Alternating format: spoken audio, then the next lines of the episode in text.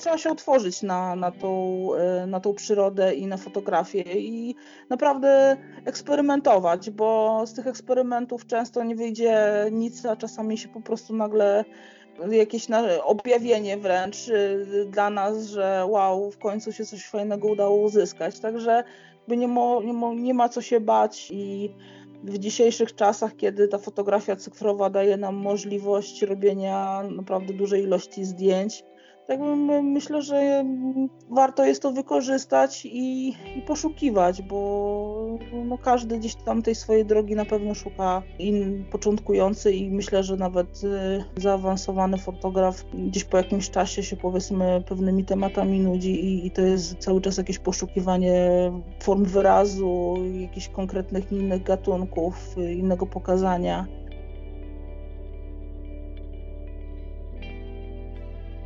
To jest podcast Spotkania z Przyrodą, odcinek 25. A moim gościem jest dzisiaj Joanna Antosik-Żołądek. Fotografka, która choć znalazła swoją drogę i swój punkt widzenia, to kontynuowała fotoprzyrodnicze poszukiwania, szukając nowych tematów i nowych inspiracji. I właśnie te poszukiwania, otwarta głowa i świeże spojrzenie pozwoliły jej odkryć, w sensie fotograficznym, fascynujący i tak nowy, świeży dla obserwatorów mikroświat skoczogonków. Zapraszam Was do wysłuchania tego odcinka, w którym Asia dzieli się z nami swoim podejściem do przyrody, ale także opowiada o swoim widzeniu świata natury, również tym abstrakcyjnym, które pozwala jej w tak artystyczny sposób malować obrazy natury, zarówno na swoich fotografiach, jak i w diaporamach, które jako formę pokazów doprowadziła do prawdziwego mistrzostwa. Zaczynamy! Ja nazywam się Michał Stanecki, a to jest podcast Spotkania z Przyrodą. W audycji poruszam tematy ważne dla miłośników przyrody, obserwatorów, fotografów i pasjonatów innych terenowych aktywności związanych z naturą.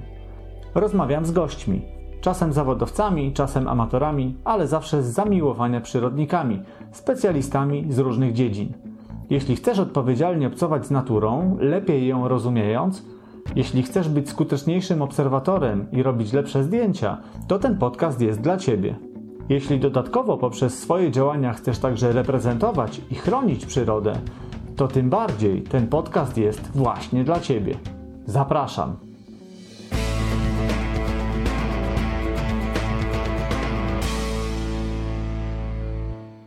Witam Was w bardziej zimowych okolicznościach przyrody, dlatego też zacznę od aktualności z terenu. No dzisiaj, gdy nagrywam te słowa, mamy temperaturę dodatnią i jest niestety odwilż. Ale przez kilka dni w wielu rejonach Polski mogliśmy sobie przypomnieć, czym jest zima. Temperatura spadła do poniżej nawet minus 20 stopni w wielu miejscach. Przysypało trochę śniegiem. Warunki te sprzyjały terenowym aktywnościom, obserwacjom, fotografowaniu bo faktycznie takie przebłyski zimy no, zdarzają nam się dosyć rzadko i, i warto jest po prostu wykorzystać takie chwile do, do właśnie terenowej aktywności. Teraz y, mamy odwilż, natomiast y, gdzieś zaczynają pojawiać się prognozy, które wskazują na to, że pod koniec stycznia, czy na przełomie stycznia i lutego możemy mieć jeszcze, jeszcze jedną taką zimową akcję. Także bądźcie czujni, bądźcie gotowi. E, taki czas, e, kiedy pojawia się śnieg, kiedy pojawia się mróz, stwarza doskonałe okazje do tego, żeby na przykład uczyć się doskonalić sztukę tropienia zwierząt, bowiem na, na śniegu, na świeżym śniegu widzimy, widzimy tropy wielu zwierząt i sprzyja to temu, żeby obserwować, e, jakie zostawiają po sobie ślady, ale też jak wyglądają ich ścieżki, po których się poruszają, czy, czy na przykład dojścia do, do wody, do rzeki, do miejsc, które są dla nich poidłami, czy w których y, przekraczają jakieś, y, jakieś cieki wodne. Mm, warto jest pamiętać o tym, że w momencie, gdy niektóre zbiorniki wodne zamarzają, y, zostają takie miejsca właśnie na zbiornikach czy na rzekach, które nie zamarzają i sprzyja to grupowaniu się ptaków wodnych. W niektórych miejscach są naprawdę potężne koncentracje takich ptaków. Tak się dzieje na przykład pod y, zaporami sztucznych zbiorników. E, tak się dzieje w niektórych miejscach na rzekach. Takie duże zgrupowania, koncentracje ptaków to y, doskonała okazja do tego, żeby fotografować. ale też wypatrywać rzadkich, ciekawych gatunków. Trzeba pamiętać o tym, że mamy też e, fajny materiał do fotografii makro w czasie takiego, nazwijmy to, ataku zimy. E, jest śnieg, jest lód, jest szron, e, także można tutaj szukać rozmaitych struktur, form. Warto się też tym obiektywem pochylić i popatrzeć na to z bliska. No, generalnie można by powiedzieć, że warto jest się nie poddawać, nawet kiedy ten mróz szczypie nas mocno w, w nos Pamiętajcie, jest takie fińskie powiedzenie, że nie ma złej pogody, są tylko złe ubrania. Także dzisiaj y, jesteśmy w stanie się odpowiednio ubrać, zabezpieczyć i możemy śmiało wyruszyć w teren i korzystać z tego, że dzień jest już ciuteczkę dłuższy, kiedy też y, no, spada śnieg, jest y, teoretycznie trochę widniej, jest, to działanie śniegu jest specyficzne, on odbija światło, jest taką, taką wielką białą blendą korzystajcie z takich warunków, bo no one, jak wiecie, w ostatnich latach nie zdarzają się często. Warto je po prostu wykorzystać i nie przegapić takiego momentu. A teraz przechodzimy już do, do gościa tego odcinka. Dzisiaj jest nim Joanna Antosik-Żołądek, fotografka ZPFP, doświadczona i utytułowana, laureatka wielu krajowych i zagranicznych konkursów pokazów cyfrowych, jej diaporamy cieszą się wielkim uznaniem. Zdobywała nieraz e, główne nagrody na różnych festiwalach. Pokazywała też e, swoje diaporamy nie tylko w, e, na festiwalach krajowych, ale i zagranicznych. Robi niesamowite zdjęcia, w których dotyka naprawdę takiej wyższej sztuki. Ma fantastycznie rozwinięte takie abstrakcyjne widzenie. Umie wykorzystywać obrazy generowane przez naturę do kreowania fantastycznych, nieoczywistych, inspirujących obrazów, które dodatkowo potrafi jeszcze fantastycznie montować, synchronizując je z muzyką właśnie do formy diaporamy, czyli tych przeplatających się obrazów, gdzie między dwoma statycznymi zdjęciami pojawia się jeszcze ten nierealny trzeci obraz, który jakby jest taką wartością dodaną która powoduje, że ta forma pokazu jest, y, mimo tego, że złożona ze statycznych zdjęć, to gdzieś tam przechyla się troszkę w stronę filmu. I, I, Asia tutaj naprawdę osiągnęła mistrzostwo w montowaniu takich pokazów i warto y, posłuchać tego, co ma w tej materii do powiedzenia, ale opowiada nam również właśnie o swojej drodze, jaką wybrała w obcowaniu z przyrodą, czym ta przyroda dla niej jest, dlaczego takie, a nie inne spojrzenie na, na fotografię. Bardzo ciekawa rozmowa, e, bardzo inspirująca, a opowieść o skoczogonkach, o tym mikroświecie tych e, maleńkich e, zwierzątek jest, jest dla mnie i myślę, że dla Was również będzie szczególnie inspirująca, bowiem pokazuje, że jest jeszcze w tym naszym sfotografowanym już świecie przyrody, jest jeszcze jednak przestrzeń do tego, żeby odkrywać coś, co jest, co jest nowe nie jest nowe dla nauki, ale jest nowe dla fotografii. I, I tutaj Asia przybliża nam świat, którego po prostu nie dostrzegamy. Bardzo często przechodzimy gdzieś obok, nie zdając sobie sprawy z tego, jak dużo tego mikrożycia toczy się pod naszymi nogami, gdzieś właśnie w tym mikroświecie.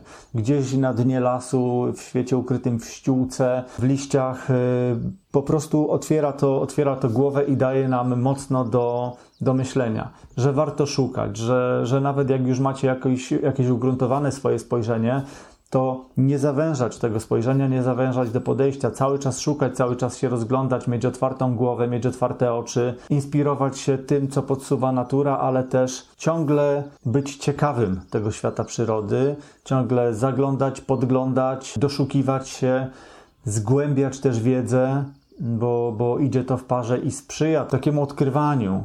Trzeba mieć w sobie właśnie ciekawość świata, szukać form, szukać detali, te impresje, to abstrakcyjne widzenie, które prezentuje Asia, to naprawdę już taka, taka sztuka przez duże S, pokazująca, że fotografia nie zawsze musi być oczywista, że nie zawsze musi być dosłowna, że mamy jako fotografowie też w ręku rozmaite narzędzia, jakimi jest chociażby niestandardowe wykorzystanie światła naturalnego, że można też y, fotografować z użyciem zamierzonego ruchu aparatu.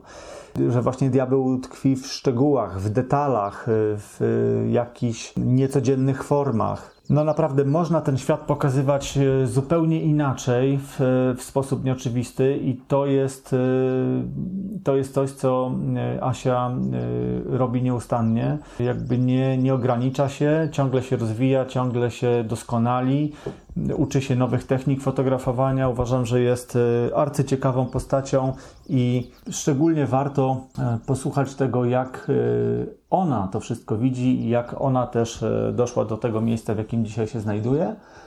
Sama o sobie mówi, że interesuje ją to, co jest małe i co jest niepozorne, na co właśnie często nie, zwra nie zwracamy uwagi, że są to jakieś szczegóły, które bardzo często pomijamy podczas naszych spacerów przyrodniczych. Stara się dzięki tym dostępnym narzędziom fotograficznym, stara się malować ten świat y, w sposób właśnie taki, jaki go widzi, a nawet czasem bardziej w jaki go czuje. Dlatego też tak polubiła diaporamę jako formę e, przekazu, jako formę wyrazu i e, dzięki mnogości tych wszystkich form może pokazywać naturę w taki bardzo osobisty sposób. No cóż, no to w takim razie zapraszam Was do wysłuchania rozmowy z Joanną Antosik-Żołądek. Cześć okay. Asiu, bardzo się cieszę, że mogę Cię gościć w swoim podcaście. Opowiedz e, proszę w kilku słowach o, o sobie, o tym, czym się zajmujesz i e, no, czym się po prostu interesujesz. A pytam oczywiście w kontekście przyrody i w kontekście fotografii. E, cześć, e, witam Ciebie Michale, witam wszystkich słuchających. E, ja jestem z wykształcenia z zawodu architektem krajobrazu, czyli gdzieś ta przyroda się też w moim takim codziennym życiu przewija. Mm, natomiast no, od najmłodszych lat jakby ta pasja do przyrody we mnie, we mnie była i, i zaszczepiona też przez rodziców i później E, i później już pogłębiana przez, przeze mnie samą, no i tam gdzieś po drodze się też ta fotografia znalazła. Mm, także od przyrody się zaczęło e, e, i fotografia była jakby tym kolejnym krokiem. Czyli zaszczepiona przez, przez rodziców ta przyroda? Tak Też, można tak, powiedzieć? Tak, myślę, myślę, że tak, bo, bo mimo tego, że mieszkaliśmy w Warszawie, w dużym mieście, to jednak każdą wolną chwilę gdzieś na tym łonie przyrody spędzaliśmy. Ja też miałam to szczęście, że, że mam rodzinę, e, która mieszka w Kampinoskim Parku Narodowym, także mm, wszystkie wakacje, ferie, e, zawsze tam to był kierunek moich wyjazdów i gdzieś tam penetrowanie tych łąk e, i, i poznawanie tej przyrody. Tak się to wszystko zaczęło. Jak zaczęłaś fotografować i wchodziłaś w tą fotografię, czy może też trochę poprzez fotografię głębiej w świat przyrody, to czy od początku wiedziałaś, y, znałaś swoją drogę, czy to było tak, że jednak był to pewien proces i y, może też trochę ucząc się tej fotografii, no i zarówno od takiej strony technicznej, jak i tej bardziej artystycznej, dopiero gdzieś tą drogę swoją znajdowałaś, szukałaś jej, jakby ona się kształtowała jak to, jak to wyglądało, że dzisiaj jesteś w takim miejscu, w jakim jesteś i, i myślę, że doskonale wiesz, e, co chcesz fotografować i jak chcesz fotografować. To jak to, patrząc tak troszkę historycznie, jak to wyglądało, jak to się kształtowało? Na samym początku to było takie zafascynowanie jakby ogółem, także i, i jakieś, nie wiem, i, i, i w zasadzie wszystko, co się nawinęło, można powiedzieć bo i jakieś ssaki, no wiadomo, tam w Campinosie to i łosie się znajdowały ptaki, natomiast no, ten mój sprzęt fotograficzny to był no, taki podstawowy amatorski, także te zdjęcia też nie były jakieś cudowne, ale y, bardzo lubiłam i wstawać na wschody słońca i, i starałam się jakby szukać właśnie tego, co mnie w tej przyrodzie najbardziej, e, najbardziej zainspiruje. No i tak jakoś wyszło, że, że najbliżej mi e, było do tych e, tematów makro, i, I w zasadzie na tym się skupiłam, dosyć, dosyć szybko chyba się ukierunkowałam i, i już kolejne mm, powiedzmy obiektywy, jakieś zakupy planowane już były raczej właśnie w tym kierunku. Czyli bardzo lubię do tej pory i, i, i fotografować krajobraz, natomiast no, najpewniej czuję się na pewno w makro, no i w takich tematach, y, w których y, można trochę właśnie poszukać jakiegoś takiego swojego punktu widzenia, pokazać trochę tą przyrodę w taki sposób, może nie do końca jednoznaczny. Też często y, spotykałam się z taką opinią, że to nie do końca fotografia przyrodnicza. Natomiast no, jakby wychodzę z założenia, że, że przyroda też jakby jedno to jest dokumentowanie, pokazywanie przyrody, a mm, dodatkowo możemy też ją wykorzystać jako taki materiał do kreowania różnych obrazów. Nie przekłamując, jakby nie pokazując czegoś, co nie istnieje tak naprawdę, yy, znaczy jakby nie oszukując, że, że nie, nie wiem, na przykład ja nie używam jakichś takich e, rzeczy, które będą imitowały czy deszcz, czy, prawda, czy, czy jakieś słońce z latarką w tle, yy, bo, bo tego nie lubię. Natomiast często wykorzystywałam przyrodę w ogóle do pokazywania jakichś takich po prostu obrazów odrealnionych, mm, gdzie nie do końca było wiadomo, co jest na, na zdjęciu. Mhm. Jak w jednym z pierwszych odcinków podcastu mówiłem słuchaczom o tym, że no bo też dużą grupą moich słuchaczy są początkujący fotografowie, początkujący przyrodnicy, którzy dopiero wchodzą do tego świata i też patrzą często właśnie poprzez, poprzez obiektywy. Y, przybliżałem choć to oczywiście jest taki sztuczny, wymuszony troszkę podział na te kategorie czy, czy gatunki fotografii przyrodniczej, no choćby takie, y, jakie funkcjonują w ZPFP. No już jakby przywykliśmy do tego, że mamy ten podział na ssaki, ptaki, zdjęcia krajobrazowe, czy właśnie makrofotografię, świat roślin, grzyby. Wspomniałem wtedy, że jest taki e, gatunek, który jest troszkę z boku i jest mu zdecydowanie bliżej do takiej czystej formy artystycznej, niż mhm. do, nie umniejszając oczywiście y, nikomu i innym fotografiom, ale do takiego rzemiosła po prostu przyrodniczego. Ten gatunek y, dorobił się tej nazwy impresje, no, czyli tutaj jakby mamy bezpośrednie odniesienie gdzieś do malarstwa, do tej sztuki takiej, tak. E, można powiedzieć, wyższej. To jest to, o czym mówisz, prawda? To jest y, tak, tak. To, to, to, ten inny punkt widzenia, no swój, ale inny punkt widzenia, pokazanie czegoś, co nawet może być czymś oczywistym, ale w zdecydowanie nieoczywisty sposób, bo te impresje, no to też jakby jeszcze przybliżając, oczywiście poproszę, żebyś to ty rozwinęł, ale no wydaje mi się, że to jest y, taki rodzaj fotografii, gdzieś też o tym przeczytałem, którą się czasami trochę bardziej czuje niż, y, niż widzi, niż ogląda. I, I ta praca z barwami, y, formą, często ruchem, nietypowym światłem, odbiciami i tak dalej, to jest właśnie to, to kreowanie, ale w taki uczciwy, czysty, czysty sposób.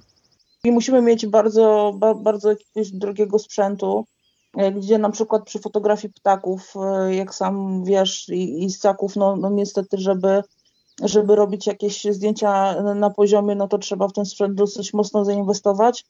Natomiast jeśli chodzi o, o fotografię e, taką abstrakcyjną, to, to w zasadzie jedyne, co nas ogranicza, to jest nasza własna wyobraźnia, bo możemy to. Ja zaczynałam takimi starymi obiektywami od Zenita, które po prostu też to tło bardzo ładnie rozmywały. W zasadzie wiem, miałam jeden jakiś podstawowy teleobiektyw i, i tylko sposób postrzegania mnie ograniczał, tak?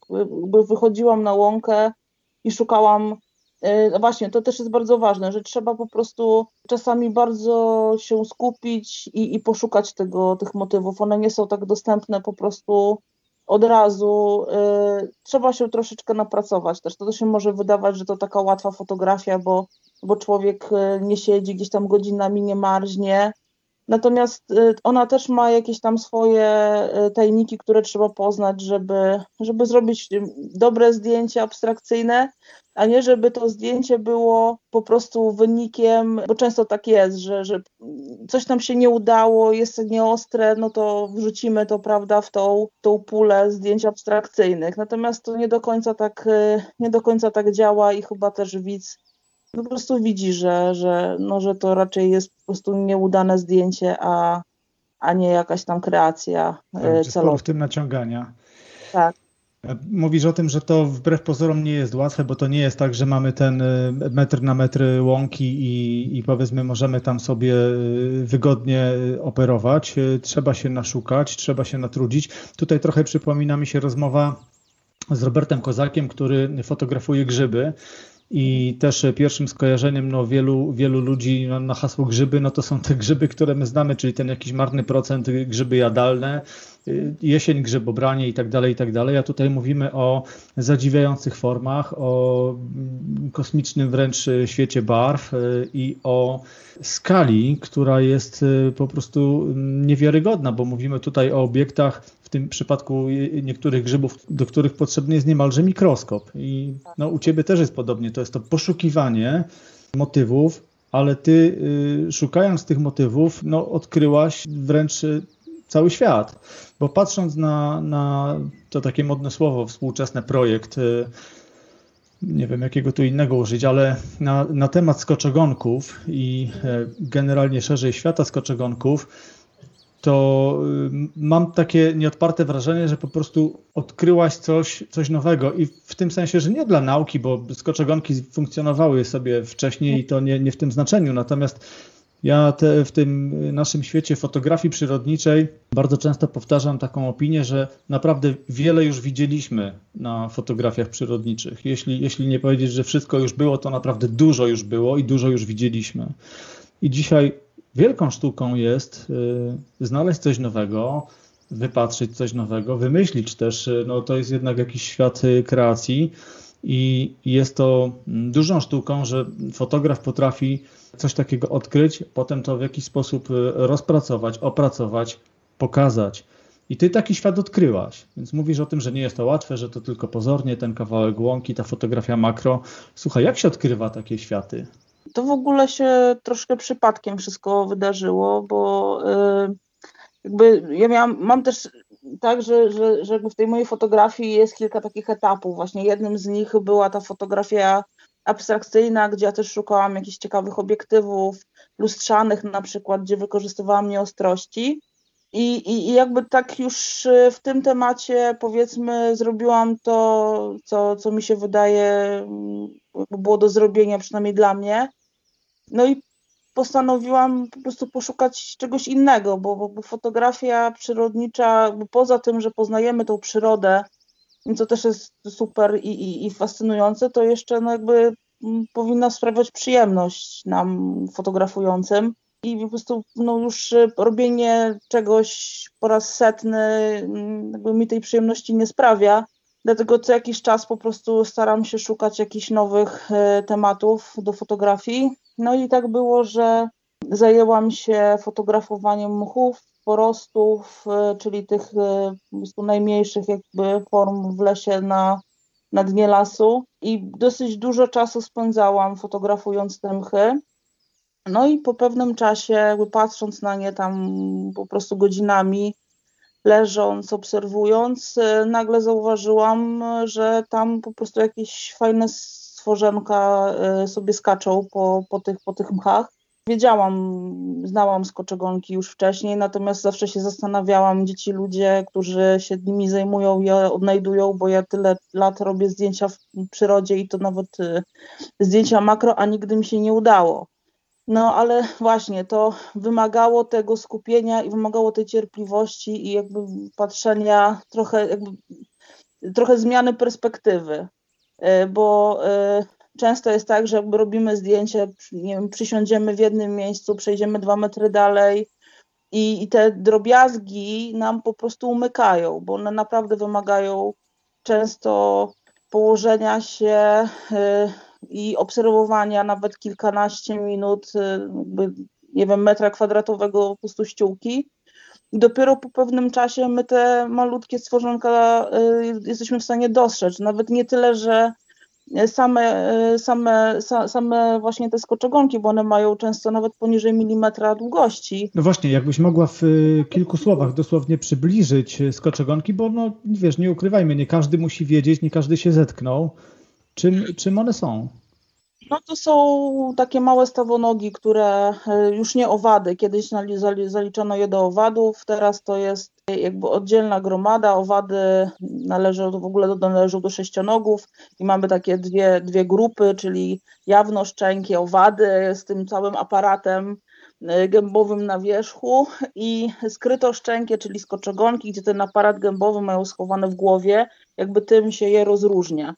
Także y, są to takie małe, ma, malutkie po prostu stawonogi, które żyją sobie w ściółce, na roślinach zielnych, czasami na drzewach, y, w tej ściółce też w różnych jakby jej częściach, y, również w glebie częściowo. I odpowiadają one za przerabianie materii organicznej i jakby dzięki temu e, napędzają też te procesy glebotwórcze, także mają bardzo, bardzo, bardzo ważne są. Bardzo odpowiedzialna robota. i, i, i chociaż po prostu nie widać ich na pierwszy rzut oka, to ich jest czasami nawet po prostu setki tysięcy na metr kwadratowy w takich żyznych e, siedliskach leśnych, także jest tego całe mnóstwo. Natomiast Powiedziałeś, że małe, to, to może warto powiedzieć jak małe?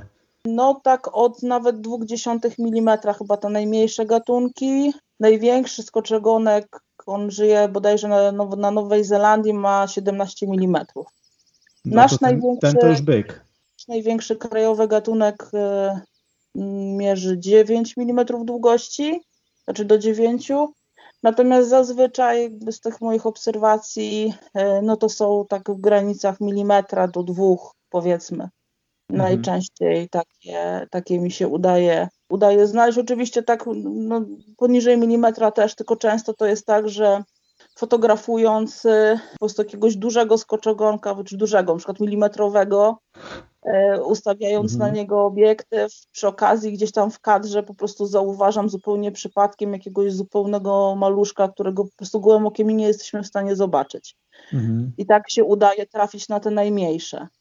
Natomiast no, y, z pozycji takiego człowieka stojącego, czy nawet kucającego gdzieś tam powiedzmy, y, no to nie jesteśmy w stanie ich, y, ich zobaczyć. Trzeba się położyć, najlepiej sobie wziąć jeszcze jakąś lubkę taką ze światełkiem, żeby, żeby gdzieś tam podświetlić powiedzmy jakieś te zakamarki, ściółki i wtedy no, jesteśmy w stanie jego okiem zobaczyć. Jesienią na, najczęściej właśnie osoby teraz, które e, gdzieś tam mi dawały znać po tym, jak, jak zobaczyły zdjęcia z koczogonków w internecie moje, no to rzeczywiście no jakby na grzybach e, w okresie jesiennym chyba najłatwiej je znaleźć, bo jest ich wtedy dużo, czy bardzo lubią wilgoć i ten okres jesienny to jest, e, no to jest taki też mój ulubiony, jeśli chodzi o fotografowanie skoczogonków. No, y, okres jesienny myślę, że dokłada też od siebie jeszcze to, że jesteś w stanie też budować y, te kadry z wykorzystaniem jesiennych barw i, i tego tak. wszystkiego, co się dzieje w lesie, na ściółce. One też są, y, też są, pomimo tego, że są dosyć malutkimi stworzonkami, to no, jak je trochę powiększymy, to pokazuje nam się po prostu pełnia, pełnia barw pięknych, czasami kontrastowo ze sobą zestawionych, aż czasami ciężko uwierzyć, że takie małe zwierzęta są, są też tak pięknie ubarwione. I, I w zasadzie no, nie jesteśmy tego w stanie zobaczyć gołym okiem. To musimy, musimy już do tego użyć takiej nieco bardziej zaawansowanej optyki. No i, i cieszę się, bo właśnie jakby mogę ten świat przyrody odkrywać, tak jak już mówiłeś, no jakby one nie są czymś nowym dla nauki, natomiast na pewno dla mnie to jest super frajda, że jakby czytając o tych gatunkach, e, gdzieś tam oglądając je w internecie, później jestem w stanie je gdzieś tam znaleźć w przyrodzie, na żywo je obejrzeć, to, to jest naprawdę coś, coś, coś fajnego i, i bardzo mnie to cieszy, że, że akurat miałam tą okazję i gdzieś tam na nie trafiłam e, zupełnie przypadkiem. Czyli z jednej strony ty się realizujesz, e, no na pewno się też rozwijasz, bo myślę, że akurat temat jest e, o, o, tyle niełatwy, że daje tutaj dosyć szerokie pole i szerokie możliwości do takiego rozwoju w kontekście no jakby fotografii, ale, ale już takiej naprawdę to, to, to mówimy o takiej bardzo specjalistycznym podejściu. Zresztą zapytam cię za chwilę o tą stronę techniczną i o sprzęt, którego używasz, ale chciałem jeszcze wrócić do tego odkrywania światów. No właśnie masz trochę taką, taką frajdę e, wewnętrzną, że jednak, e, no właśnie w tym, w tym świecie, który już, e, no tak jak powiedziałem, w dużej mierze został nam pokazany. My go już widzieliśmy. A, a tobie się jednak udało, no, jakby wiesz, o, otworzyć takie okienko na świat, który no, dla wielu fotografów jest no, co najmniej nie, nieoczywisty, a po prostu dla wielu wręcz niezauważany. Chodzi mi o, to, o, szer, o szersze spojrzenie. Czy po prostu y, właśnie masz taką wewnętrzną frajdę, że udało ci się no przede wszystkim pokazać, że jest jeszcze dużo, dużo materii w tym świecie przyrody, która może nie jest pokazana, albo którą można pokazać inaczej, którą można trochę wypromować też robiąc jej dobrze, żeby zwrócić uwagę na to, że nie wiem, zwykły kawałek e, ściółki, mchu, jakieś porosty i tak dalej, ile tam jest życia tego, tego, tego właśnie tych, tych maleństw, że, że, że to żyje, no wiesz, też w takim znaczeniu, że, że to jednak no, też robisz pro, promocję dla tego kawałka tak, świata. Ale też jest, no ja widząc ten, ten świat, też no cieszę się, że mogę, mogę go jak najbardziej pokazać, no bo to też tak jest, że jakby twórca nie tworzy tylko dla siebie, tylko chce się też tą twórczością jakoś podzielić z, z odbiorcami, a tutaj szczególnie w takiej sytuacji, kiedy, no tak jak mówisz, no nie jest to kolejny tam, nie wiem, zawilec, mm, czy, czy, czy, czy co, jakiś pospolita rzecz, pospolita rzecz, którą każdy jest w stanie zobaczyć czy sfotografować, tylko no jakby jest to jakiś tam fragment przyrody, e, który jest naprawdę pospolity, bo tych e, skoczegonków no to jest jedna z najliczniejszych grup stawonogów, ich jest e, więcej niż owadów w lesie, natomiast no my zupełnie nie wiemy o tym, że one istnieją. No i, i, i też na przykład ważne jest, żeby żeby może nie wygrabiać wszystkich liści w mieście, tylko zostawić jakąś tam po prostu strefę do życia dla nich, no bo myślę, że to jest ważne, żebyśmy mieli, mm, zdawali sobie sprawę z tego, że przyroda jest y, no, dosyć mocno skomplikowanym tworem i tam po prostu tych zależności różnych międzygatunkowych jest po prostu mnóstwo. No i nie powinniśmy, powinniśmy jak najmniej w to wszystko ingerować i, i po prostu naj, jak największą wiedzę na ten temat posiadać, żeby pewne procesy po prostu zrozumieć e, i nie szkodzić. Super. No to tutaj dotykasz y, takiego mm, tematu, na który jestem bardzo uwrażliwiony, czyli no duże słowa, ale tej misji, że, że poza tym, że się fajnie bawimy, realizujemy się, rozwijamy, pokazujemy ludziom kawałek y, być może właśnie nieoczywistego świata, a przy okazji jeszcze y, no, w pewien sposób promujemy taką właśnie przyrodę, i jest ta fotografia również w tym kontekście no, takim dobrym narzędziem w ręku i, i, i fajnie jest zawsze, kiedy można jakby w tym dodatkowym wymiarze jeszcze y, po prostu coś zrobić dla, dla przyrody, nie? W, w ten sposób ją tak. chociażby reprezentując. Dokładnie. Też jest tak, no, że mm, osób, które, które się zajmują skoczegonkami nie jest wcale tak dużo, y, jeśli chodzi o, o nawet osoby nauki. Fotografujących w Polsce chyba jest niewiele, a, a terenu bardzo dużo do wyeksplorowania. To są tak małe stworzenia, e, że naprawdę e, często tak o tak ograniczonej strefie życia, że no, im więcej ludzi się będzie nimi zajmowało, gdzieś tam będzie ich szukało, tym pewnie większa szansa na to, że że uda się znaleźć jakieś nowe gatunki dla Polski, y, czy w ogóle nowe gatunki, bo to jest też taka grupa zwierząt, gdzie, gdzie tych gatunków się dosyć dużo nowych odkrywa. Y, no i to jest takie, no, no nie ukrywam, no, też napędzające do tego, żeby, żeby właśnie żeby ich poszukiwać i, i, i się jak najwięcej na ich temat no, uczyć i, i dowiadywać o ich biologii miejsca, gdzie mogą po prostu gdzieś tam sobie siedzieć i, i, i, i żyć. Czyli też cały czas się uczysz tego świata skoczegonków. To, to, to nie jest tak, że to mamy. E, bez poznania też takich, no, bez poznania biologii, e, nie wiem, miejsca występowania, jakichś konkretnych, konkretnych, takich bardziej szczegółowych rzeczy, no to ciężko też jest, e, ciężko jest też gdzieś odnaleźć. No, Poza tym, no ja, ja, ja lubię wiedzieć, e, jakby nie tylko się zachwycać tym, że coś jest piękne, ale też lubię, lubię po prostu trochę, jeżeli się już czymś zajmuję i coś fotografuję, to lubię na ten temat coś wiedzieć. Chociażby właśnie dlatego, żeby, żeby nie wiem, po prostu nie zaszkodzić może y, robiąc zdjęcia. No, no właśnie i to, i to jest y, jeszcze inny aspekt, o, o który też warto zahaczyć, bo nie dość, że, że no, to, co robisz, jest w pewien sposób takie bardzo świeże dla, dla naszego świata fotografii przyrodniczej, bo pokazuje, że można, że warto szukać cały czas, poszukiwać i, i, i że właśnie można odkryć e, tak niesamowite rzeczy, to mm, poprzez y, to, co pokazujesz i w jaki sposób pokazujesz, bo tutaj no, mówimy na pewno o tej stronie estetycznej, o formie i tak dalej, inspirujesz ludzi, wiem sam po sobie, że inspirujesz do tego, żeby y, po prostu zgłębić swoją wiedzę, bo bo to jest po prostu cholernie ciekawe, że nagle obok nas żyją sobie takie stworzonka i, i, i, i no, we, we, mnie, jak, jak, tylko zobaczyłem, zrodziło to momentalnie chęć jakby zgłębienia tematu, nie? czyli od razu wyszperania jakiegoś artykułu, czy, czy wejścia w jakieś tam tematy trochę bardziej naukowe. Czym są te fajne, małe, małe y, cholerstwa i o co z tym w ogóle chodzi, nie? Dlaczego ja tego wcześniej nie widziałem, gdzie tego szukać, jak to żyje, wiesz, no, no co, co to robi, nie? I, i, i, i no, no, także jest to, jest to, jest to duża inspiracja i, i myślę, że też no, po prostu dla odkryłaś ten świat nie tylko dla siebie, ale też dla wielu ludzi, którzy po prostu no, kibicują Twojej fotografii, oglądają Twoje zdjęcia.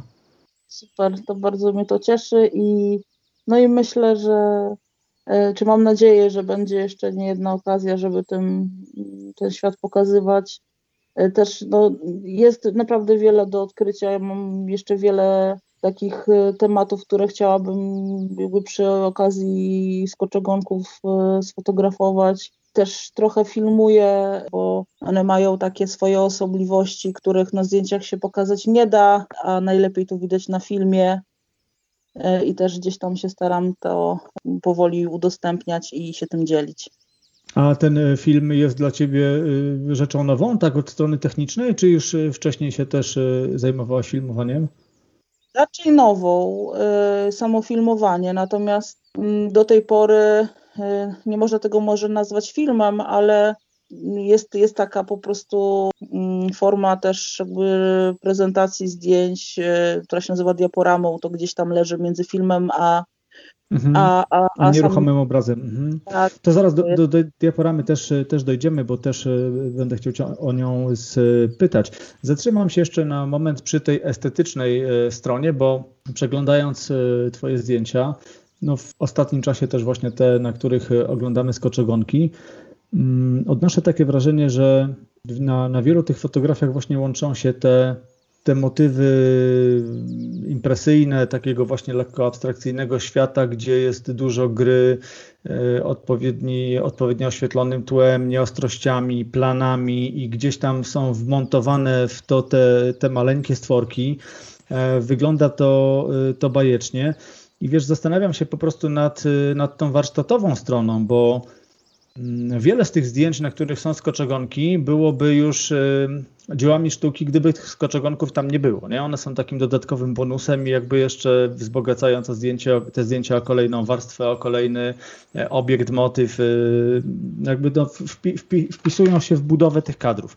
Natomiast jak sobie myślę o tym, że Mówimy tutaj o takich maleństwach, e, do których trzeba używać naprawdę już e, dosyć, dosyć e, skomplikowanego sprzętu, no bo to są specjalne obiektywy o odpowiednim odzorowaniu, ale pewnie pierścienie pośrednie dokładane. Zaraz no. zapytam też Cię o światło i inne technikalia, ale jakby zgranie tych wszystkich wiesz, czynników, te, te, te fotografie po prostu mają tak wiele składowych, że opanowanie tego od strony technicznej, no to wydaje mi się, że jest rzeczą bardzo, bardzo karkołomną. Znaczy, jeśli chodzi o te nieostrości, to, to sprawa jest dosyć prosta, ponieważ te obiektywy z bardzo dużym, tą dużą skalą odwzorowania, one mają bardzo wąski ten pasek głębi ostrości. Mhm. samo przez się to tło się nam rozmywa, bo łapiemy zazwyczaj tego, ten obiekt, tego skoczogonka, a całą resztę nam te nieostrości malują y, i, i to nie jest takie trudne. Natomiast jeśli chodzi o, o w ogóle o sam, sam, sam sprzęt, to no, na początku zaczynałam y, właśnie, tak jak mówiłeś, z pierścieniami pośrednimi, takim zwykłym obiektywem 100 mm do makro y, z skalą wzorowanej 1 do 1. I to, Ale to mało, nie? To pozwalało tylko na takie powiedzmy środowiskowe kadry, gdzie można było pokazać tego skoczogonka z jakimś fragmentem liścia czy porostu, na którym on siedział. Natomiast takie zdjęcia, no już powiedzmy bardziej no, portretowe to nie jeszcze, ale, ale, ale pokazujące go w pełnej krasie, gdzieś tam wypełniające kadry, no to już są mm, skala odwzorowania takie 2,5 do 5 plus czasami pierścienie pośrednie, ale tu już się zaczyna dosyć duży problem ze światłem, no bo no, to, to już się robi dosyć ciemno przy, przy, przy takich no, powyżej pięciu. No jeszcze musimy pamiętać, że no, często pewnie fotografujesz też w tym środowisku jednak gdzieś na dnie lasu na przykład, y, gdzie generalnie no, z tym światłem szału nie ma, nie? No nie ma, ale to też wszystko zależy od tego, akurat na jaki obiekt nam się uda trafić, bo też są gatunki bardzo aktywne, gdzie no, ta fotografow to fotografowanie jest trudniejsze, bo one się przemieszczają y, i, i, i wtedy te czasy mm, no, powinny być trochę krótsze i wtedy no, staram się też nie, nie używać dużo światła, bo nie lubię, ale, ale są takie sytuacje, kiedy, kiedy używam, natomiast też można je znaleźć w takich sytuacjach, kiedy one sobie albo odpoczywają gdzieś, albo, albo się posilają i, i nie są bardzo aktywne. I wtedy wręcz na przykład e, nawet kilkusekundowe ekspozycje jestem w stanie zrobić, nawet już po zachodzie słońca, mm, gdzieś tam kładąc e, aparat na dnie właśnie lasu na woreczku z grochem. To się da zrobić. No to wszystko zależy od sytuacji. Na pewno do filmowania światło się bardzo przydaje, e, no bo to już, już jakby nie, nie, wy, nie wybacza. Musi być konkretna ekspozycja, żeby po prostu też nie, nie szaleć z ISO, no bo wtedy te szumy brzydko wyglądają. Także ja używam takiego światła stałego, nie lubię fleszy. E, wydaje mi się, że też te zwierzęta się do takiego światła stałego są w stanie przyzwyczaić i i, i są wtedy mniej poddenerwowane. Takie strzelanie z flesza to, to no, ja nie lubię. Mhm, jasne, rozumiem. Zupełnie to, to rozumiem. W takim razie, skoro dotknęliśmy już tej strony sprzętowej, to mówisz, że, że no na tym y, obiektywie makro z pierścinami się nie kończy. No Czyli tutaj jeszcze masz, masz coś w zanadrzu, bo jednak widzimy, że na niektórych fotografiach no to są jednak portrety. Podstawowym teraz już obiektywem jest y, mm, taki no, obiektyw powiedzmy ultramakro, który możemy tylko do makrofotografii wykorzystać. On nie ostrzy nam na nieskończoność, ma ten zakres ostrości bardzo, bardzo ograniczony i on ma skład wzorowania właśnie od 2,5 do 5. Do niego czasami używam e, pierścieni pośrednich, ale to właśnie, no jeżeli chcę już naprawdę duże powiększenie uzyskać, no i teraz y, będę w tym najbliższym sezonie też próbowała swoich sił już typowo z obiektywami mikroskopowymi. Tam już skala odwzorowania jest y, jakby dziesięciokrotna. Y, do tego jeszcze ja fotografuję aparatem nie z pełną klatką, tylko, tylko tak zwanym kropem i tam jest jeszcze mnożnik razy 1,6, także mhm. to się dosyć duże powiększenie robi. E, no i będę testować też, jak to wygląda ze światłem. E, trochę próbowałam e, na sprzęcie pożyczonym, także nie jest to, nie, nie jest to jakieś strasznie trudne. Natomiast no, to już jest kolejny level do przekroczenia i do, do wyrobienia sobie jakichś tam powiedzmy swoich mm, technik na fotografowanie. Mhm.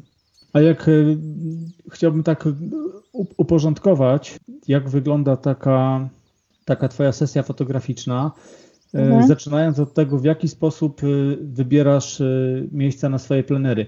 Wiesz, to, i, i, to, i to pytanie możesz potraktować trochę szerzej, bo tutaj pytam też w kontekście no, tych zdjęć bardziej krajobrazowych, czy tych, tych makro poświęconych tej przyrodzie nieożywionej, tych właśnie bardziej impresyjnych. Czy, czy, czy to jest tak, że masz swoje miejsca ulubione, w które wracasz, czy mm, jednak jesteś osobą poszukującą?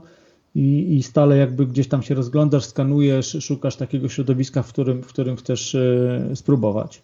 Znaczy ja robię zdjęcia od już jakichś od pięciu lat. Przeniosłam się z Kempinowskiego Parku bardziej do jakby środkowej Polski na południe od Warszawy, w Dolinie Dolnej Pilicy i w zasadzie tam fotografuję, e, poza plenerami, jakimiś takimi wyjazdami gdzieś dalej. Mhm. Staram się tam być co tydzień e, i, i, no i co tydzień rzeczywiście wychodzić w teren. I to jest taki I, teren, który masz już trochę lepiej rozpracowany, rozpoznany. Tak, i, i wiedząc już, e, że chcę fotografować jakiś konkretny temat, wiem, gdzie już mniej więcej się po prostu udać. To jeśli chodzi o tematy makro, natomiast jeśli chodzi o krajobraz, no to staram się ten teren tak powiedzmy eksplorować i, i szukać jakichś ciekawych, e, e, ciekawych mm, kadrów. Natomiast na to zawsze jakoś brakuje czasu, bo gdzieś ten krajobraz jest powiedzmy dopełnieniem e, tej fotografii u mnie. Mhm. E, I szczególnie teraz zimą, jeżeli kiedy, kiedy zima jest, no to, no to staram się wykorzystać i, i sobie po prostu gdzieś tam rzeczywiście głównie jeździć nad, nad Pilicę i, i szukać jakichś ciekawych, e, ciekawych miejsc do później nawet do odwiedzenia powiedzmy w okresie letnim czy jesiennym, kiedy te wschody słońca mogą być jakieś, e, jakieś bardzo ciekawe i piękne. Natomiast głównie po prostu udaje się w jedno miejsce do, do takiego lasku, który mam niedaleko domu. No i tam się po prostu staram dosyć intensywnie eksplorować to miejsce. No a nie ukrywam, że od jakiegoś czasu no, głównie się skupiam na właśnie na tych skoczogonkach i jakby no, ich poszukuję gdzie się da. Także jakby też wyjeżdżając z Bieszczady w zeszłym roku jesienią, też no, nie skupiałam się specjalnie na pięknych krajobrazach, tylko gdzieś tam w tych Buczynie E, między liśćmi szukałam e, jakichś nowych gatunków dla siebie, do, które mogłabym obserwować i sobie fotografować. Wspomniałaś już o tym wcześniej, że mm, poza tą stroną estetyczną interesuje Cię też e, no to, co żyje, to, co obserwujesz, co fotografujesz i, i tą wiedzę sobie przybliżasz. Na ile ta wiedza pomaga Ci właśnie w takich poszukiwaniach odpowiednich miejsc? No bo skoczegonki, okej, okay, to, jest, to jest jedna rzecz. Tak. Mówisz, pojechałeś w Bieszczady, no wiedziałaś też, gdzie ich, gdzie ich szukać, ale czasami, no jak to przy tej właśnie nieożywionej że nie wiem, pewne konkretne y, środowiska roślinne i tak dalej. No, no tutaj tej, tej, wiedzy trochę, no to tak jak mają ptasiarze, że wiedzą, że na przykład konkretny gatunek to będzie e, w takich i takich drzewach na przykład, nie? Że, że tak. jeżeli to będzie las liściasty typowy, to jest szansa na przykład, nie wiem, na to czy na tamto, na turkawkę. Albo tak. jeżeli, prawda, są te zależności takie dosyć, dosyć proste, to tutaj e, no też taka chyba wskazówka dla, dla słuchaczy, że no tego się chyba oddzielić nie da, nie? No trzeba tą przyrodę trochę, trochę głębiej, e, szerzej chłonąć i trochę głębiej też wchodzić w te tematy e, związane po prostu z czystą wiedzą. Tak, to szczególnie kiedy, kiedy, kiedy, bo myślę, że przy fotografii takiej przyrody nieożywionej, no to czy takich impresyjnych różnych kadrach, to, to mm, naprawdę można je robić wszędzie i, i, i nie trzeba gdzieś tam daleko po, powiedzmy E, jeździć, ani, ani jakoś specjalnie eksplorować tego terenu. Natomiast jeżeli już jakby zależy nam na jakichś konkretnych roślinach czy, czy zwierzętach, no to wydaje mi się, że e, no, bez tej wiedzy przyrodniczej ciężko jest e, sobie poradzić, chyba że po prostu idziemy w teren i, i obserwujemy przyrodę i fotografujemy to, co akurat spotkamy przypadkiem zupełnie. To wszystko zależy też od tego, na czym nam akurat zależy konkretnie. Często było tak, że po prostu zabierałam tam podstawowy sprzęt, który tam po prostu zawsze gdzieś ze sobą zabieram w teren i, i wychodziłam, czy to, i to był obiektyw makro, obiektyw szerokokątny do krajobrazu i po prostu... No, ale właśnie, to, to rozwiń jeszcze, to, to co w tym plecaku ze sobą zabierasz, czy, czy też torbie? Jeżeli masz taki jakiś swój niezbędnik, to mogłabyś tak trochę zdradzić tak, no to przede wszystkim zabieram właśnie obiektyw do makro, ten podstawowy, teraz już ten do ultra makro, mam jeden obiektyw tele ogniskowej 70-300, jeden obiektyw szerokokątny, no i bardzo ważna rzecz, karimata, bez której się praktycznie w teren nie ruszam, bo wiele zdjęć moich powstaje właśnie z poziomu ziemi, naj, najwygodniej mi jest fotografować e, nie gdzieś tam wisząc po prostu gdzieś w jakiejś nieprzyjemnej pozycji, tylko kładąc się na, na ziemi, też kładąc aparat na ziemi, bo bardzo ważna jest e, też jak w wielu sytuacjach ta pozycja jak najniższej perspektywy i tego nie jesteśmy w stanie uzyskać ze statywu, tylko kładąc aparat na ziemi. Mhm. I ja na przykład statywu używam bardzo rzadko, także zazwyczaj go ze sobą nie zabieram, chyba że rzeczywiście już jakby wiem, że mogę go potrzebować właśnie do zdjęć, gdzie będę wykorzystywała dłuższy czas, no to wtedy, wtedy, wtedy on się na pewno przydaje. No i od niedawna właśnie od czasu tych spoczogonków również takie światełka małe LEDowe, którymi sobie tam doświetlam powiedzmy te czasami te sceny. Też ten obiektyw ultra makro ma taką lampę LEDową pierścieniową, którą się montuje na obiektywie, która też umożliwia e, doświetlanie czasami tych zdjęć. No i to, to w zasadzie tyle. Czy posługujesz się czasami jakąś blendą? Noszę w plecaku, ale nigdy jeszcze jej nie użyłam.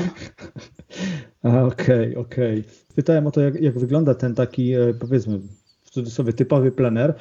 Jak ważna jest dla Ciebie pogoda i, mhm. i, i jakieś zmienne warunki w terenie? I czy masz jednak te swoje preferowane pory dnia?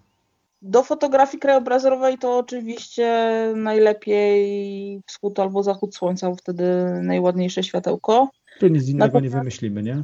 Tak, natomiast do, do, części, do części zdjęć makro też.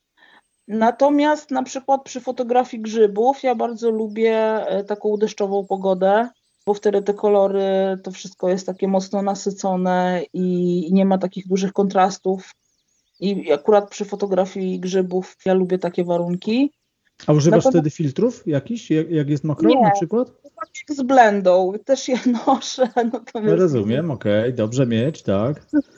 Dają czasami polaryzacyjny filtr, ale, ale bardzo rzadko mhm. używam.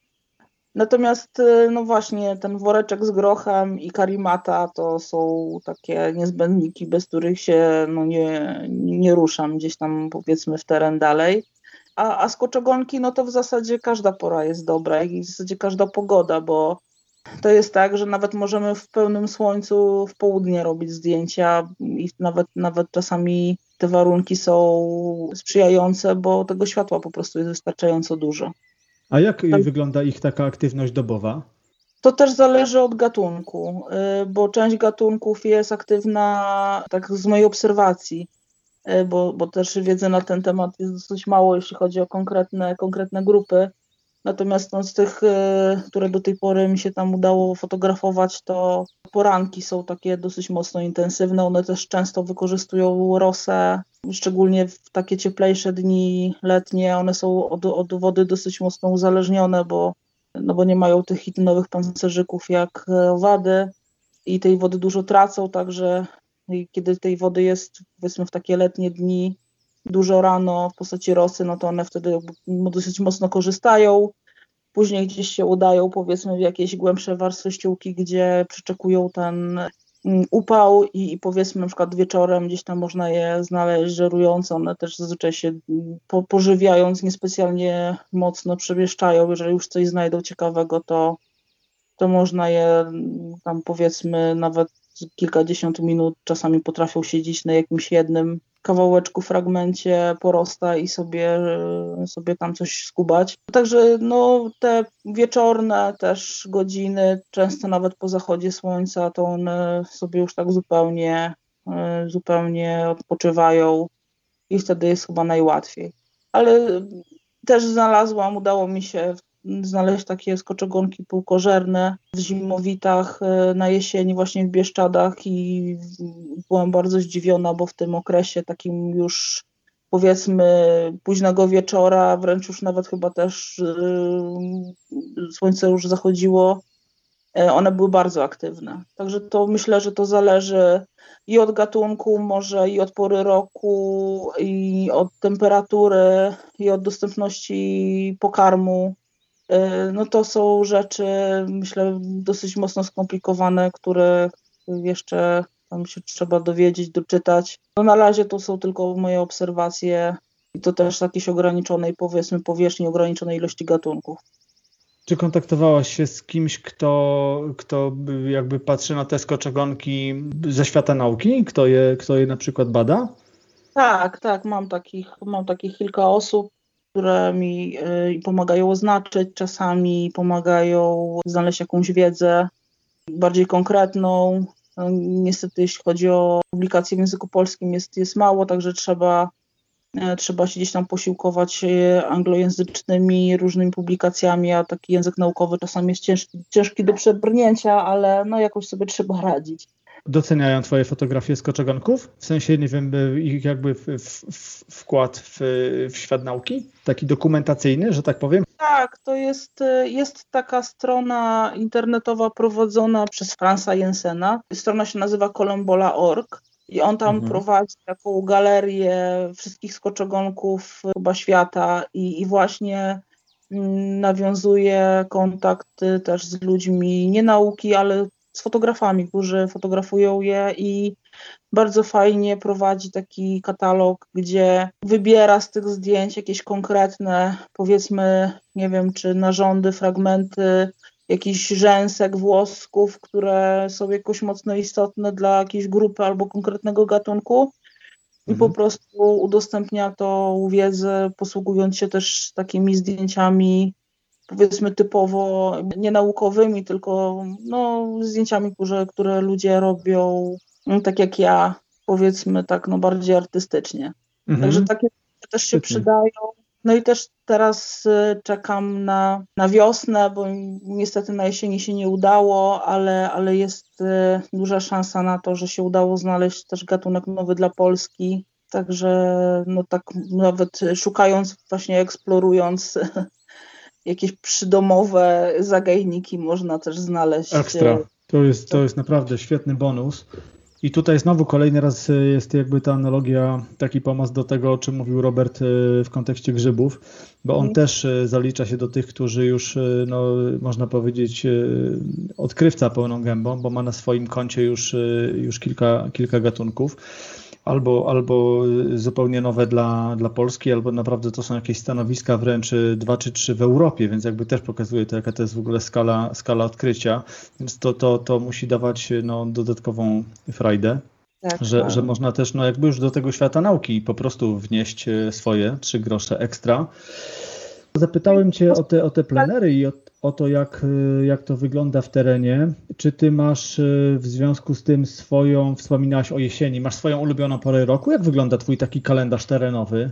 Powiedzmy zima to jest taki czas, kiedy ja się mogę bardziej skupić na tej fotografii takiej krajobrazowej, powiedzmy bardziej szukam jakichś form, kształtów, jeżeli akurat zima jest i Właśnie, bo wiesz, my teraz zimę to musimy jeszcze zdefiniować, bo to, to ostatnie tak. lata to są takie, że tej zimy nie ma, bo to przechodzimy z jesieni we, we wiosnę, a teraz akurat mamy okazję rozmawiać dosłownie w, w, czasie, w którym y, no już nawet się śmieję, bo to tak w niektórych mediach, jak się, jak się posłucha, to jakbyśmy mieli w ogóle jakąś potężną anomalię, nie? że mamy w, po prostu w środku stycznia trochę spadło trochę śniegu i ściął mróz, a tutaj po prostu jest wydarzenie y, nie wiadomo na jaką skalę.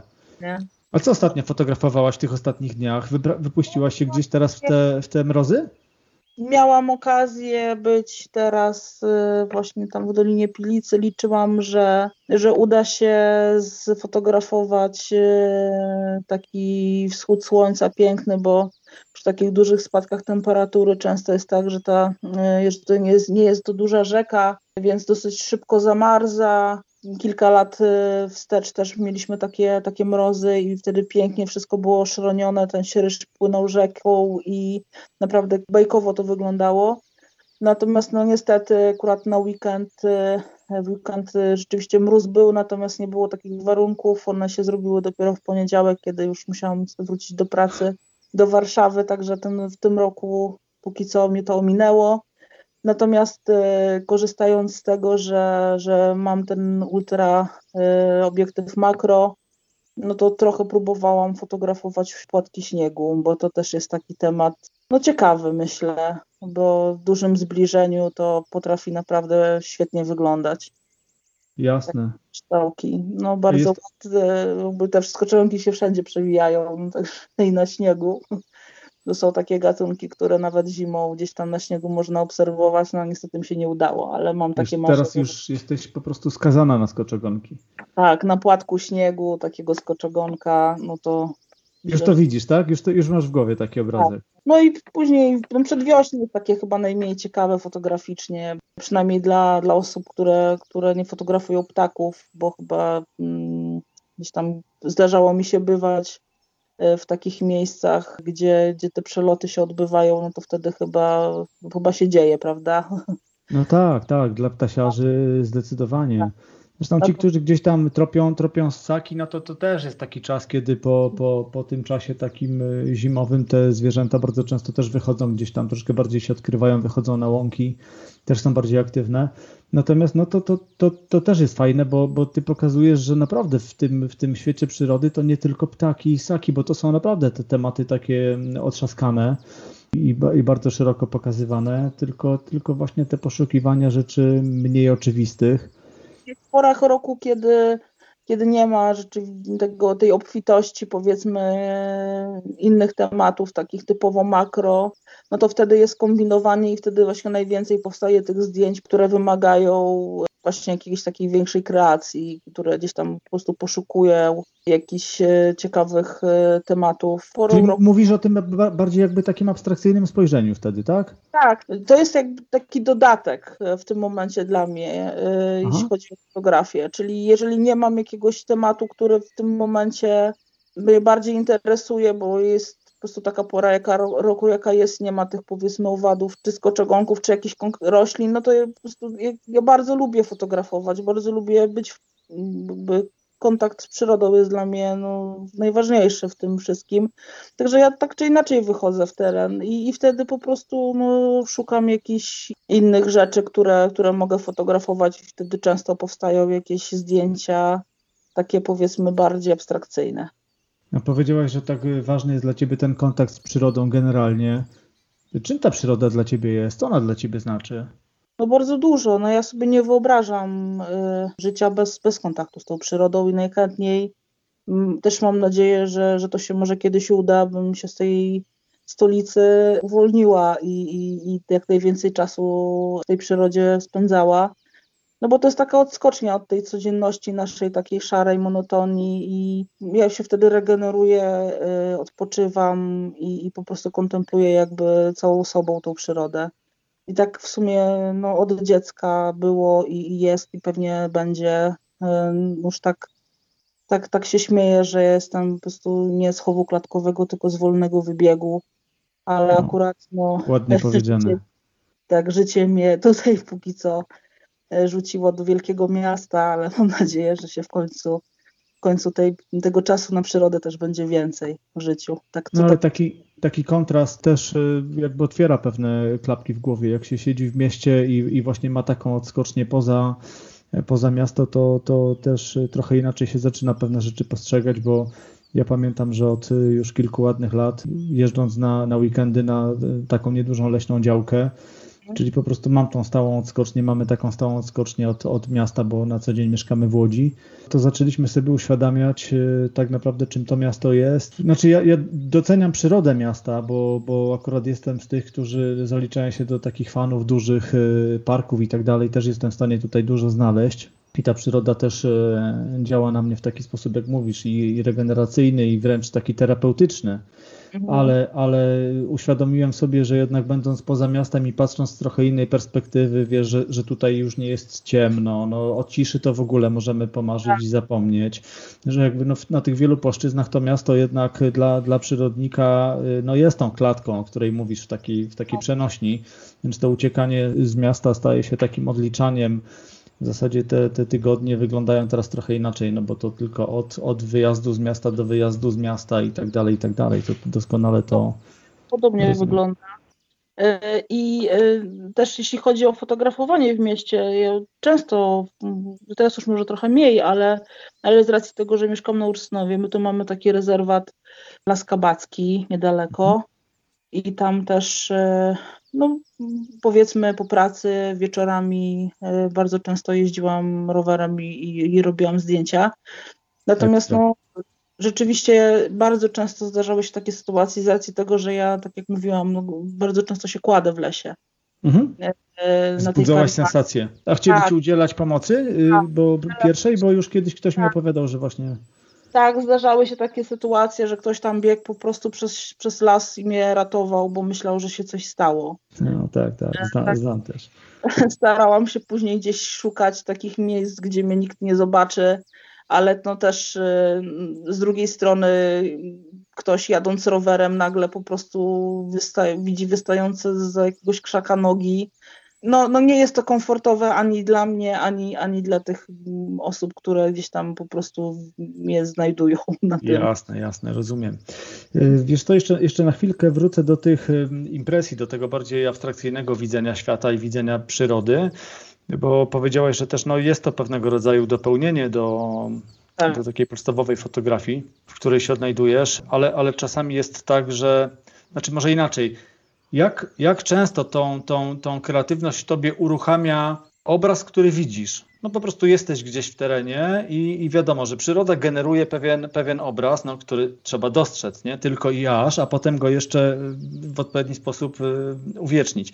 Ale czy, czy to jest tak, że to to przyroda ci podstawia powiedzmy taki, taki obrazek, a ty masz ten nos i oko do tego, żeby te sytuacje wyłapywać, y, że to może być właśnie jakaś nietypowa gra światła, odbicia, albo barwy, albo nie wiem, formy jakieś y, y, rzadko widziane, nietypowe, czy jakiś specyficzny ruch na wietrze, no wiesz, różnie to może wyglądać. Czy zdarza się w drugą stronę, że ty po prostu wymyślisz sobie coś, masz tą koncepcję, masz jakiś, no, nawet powiem, scenariusz, że, że, że to chciałabyś zrobić coś takiego i w taki sposób. To, to, to jak częściej się y, zdarza ci fotografować? Pytam konkretnie o te, o te impresyjne y, fotografie. Raczej, raczej ta pierwsza wersja jest, y, częściej się zdarza. Zazwyczaj to jest tak, że ja idąc, idąc w teren, gdzieś, gdzieś ta przyroda mi te tematy podsuwa. i pomysły podsuwa niż ja y, mając, y, chyba że jest na przykład tak, że jest konkretna sytuacja, na przykład y, padający śnieg, śnieżyca, no to wtedy idąc, chcąc robić zdjęcia takiego, nie wiem, śniegu rozmytego, no to już jakby ja wiem, co chcę uzyskać, ale to już są konkretne sytuacje, albo fotografowanie jakiejś wody na długim czasie, powiedzmy gdzieś w jakimś konkretnym miejscu, gdzie jedziemy właśnie fotografować wodę. Natomiast jeżeli ja gdzieś jadę do siebie na, na działkę, czy do kampinosu, do, do, do rodziny, biorę plecak i wychodzę w teren, to wtedy ja nie mam jakiegoś konkretnego planu. Często jest tak, że, że też no, wracam z jakimiś banalnymi zdjęciami typowo dokumentacyjnymi, bo gdzieś na przykład zobaczyłam coś, co mnie zainteresowało, ale, ale to no, bardzo często, nawet w większości sytuacji tak jest, że takie spontaniczne wyjścia w teren no, zazwyczaj nie kończą się niczym, niczym szczególnym. No ale czasami tak się akurat udaje zupełnie przypadkiem często znaleźć właśnie jakąś jakiś element, który gdzieś podsunie jakiś pomysł na to, jak można to pokazać ciekawie, gdzie można użyć e, jakiegoś obiektywu, który może nam też jakoś fajny, fajny obraz wykreować. Na przykład często, bardzo lubię dlatego jesień, często wychodzę e, rano, kiedy te pajęczyny są takie e, oszronione, czy pełne, pełne kropelek rosy i, I to naprawdę jest wtedy, y, no można, można wiele rzeczy, y, na wiele sposobów je pokazać i użyć y, różnych obiektywów i, i właśnie zrobić zbliżenia, robić je z dystansu. Na przykład ja bardzo często takie tematy fotografuję obiektywami lustrzanymi, które rysują nam takie kółeczka w nieostrościach i często nawet same, same te nieostrości są no, tym tematem zdjęcia i one mhm bo to zdjęcie nie musi być wtedy ostre, tylko liczy się to, że, no, że jakiś obraz nam powiedzmy powstaje przy użyciu konkretnej metody, którą wykorzystujemy.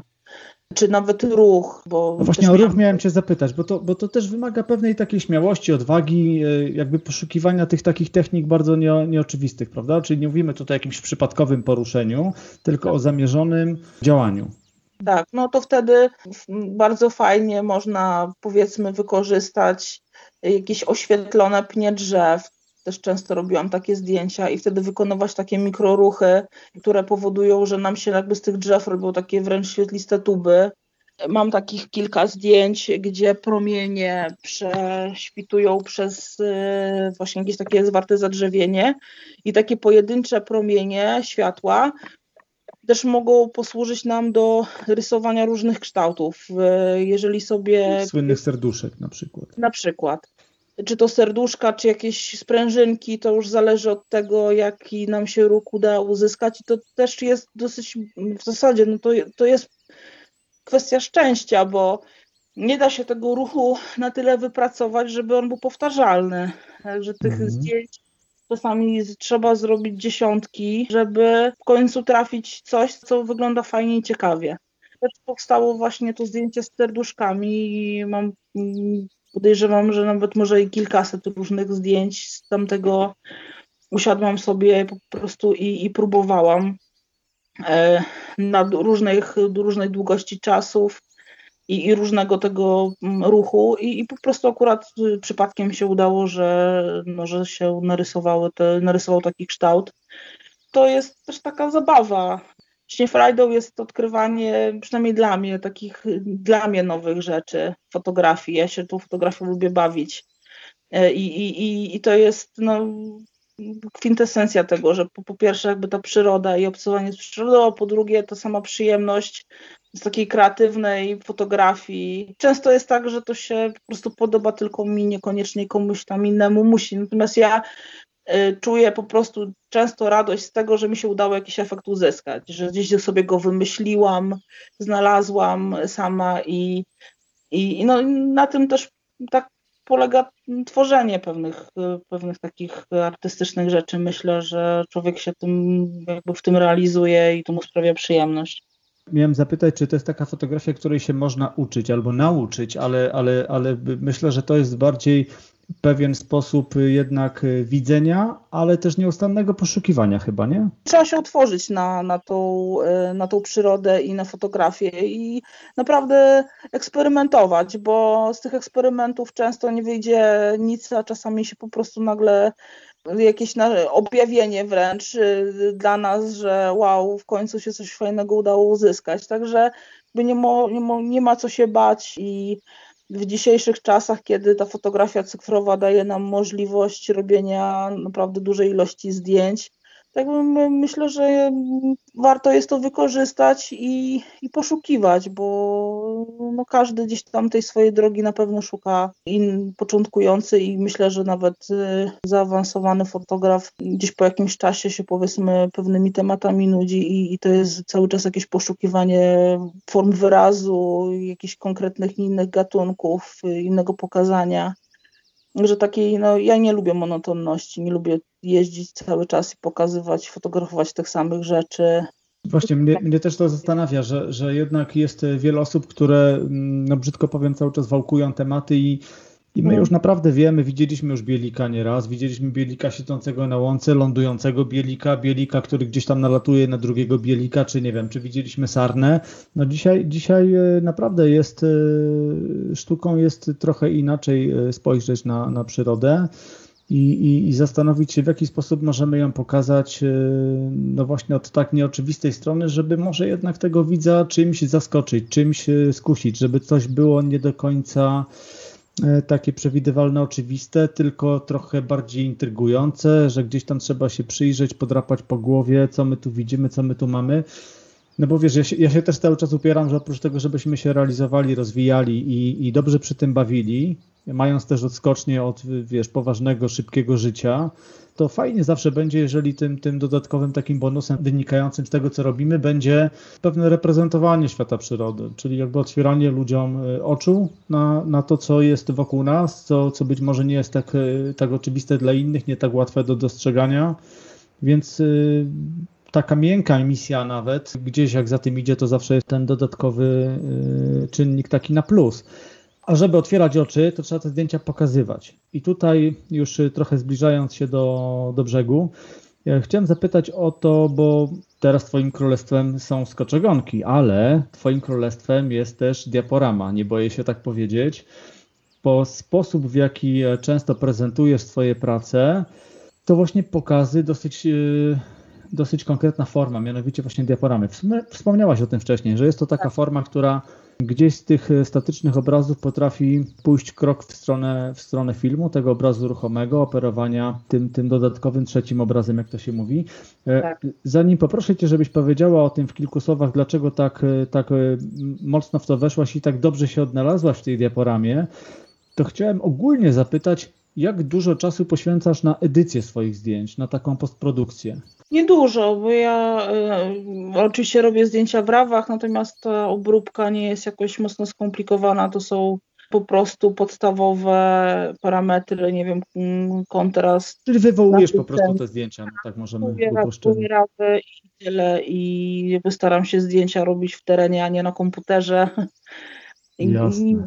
Próbuję, próbuję też powiedzmy w tej fotografii takiej zbliżeniowej, mocno przy tych skoczogonkach y, trochę focus stackingu, czyli, czyli składam powiedzmy kilka, ale to, jest, to nie jest taka fotografia, gdzie ja składam. Jakby i bez tego nie było trudno, nie? Jest dosłownie kilka zdjęć, nie tam, jak, jak to się często przy takiej fotografii wykonuje, nie wiem, kilkaset ujęć, które się później montuje, natomiast to jest mhm. tylko kilka zdjęć, powiedzmy, żeby trochę ta głębia Patrzyłem była dzisiaj większa. na Skakuna, Skakuna z y, Przymrówca, staje się, było tak. takie zdjęcie. Tak, tak. I to jest, nie wiem, tam 7-8 zdjęć. To też są zdjęcia, które, które ja robię z ręki zazwyczaj. Też mam, e, no, zakupiłam taką szynę do, do tej mikrokalibracji i będę próbowała w przyszłym roku robić takie, powiedzmy, bardziej profesjonalne zdjęcia.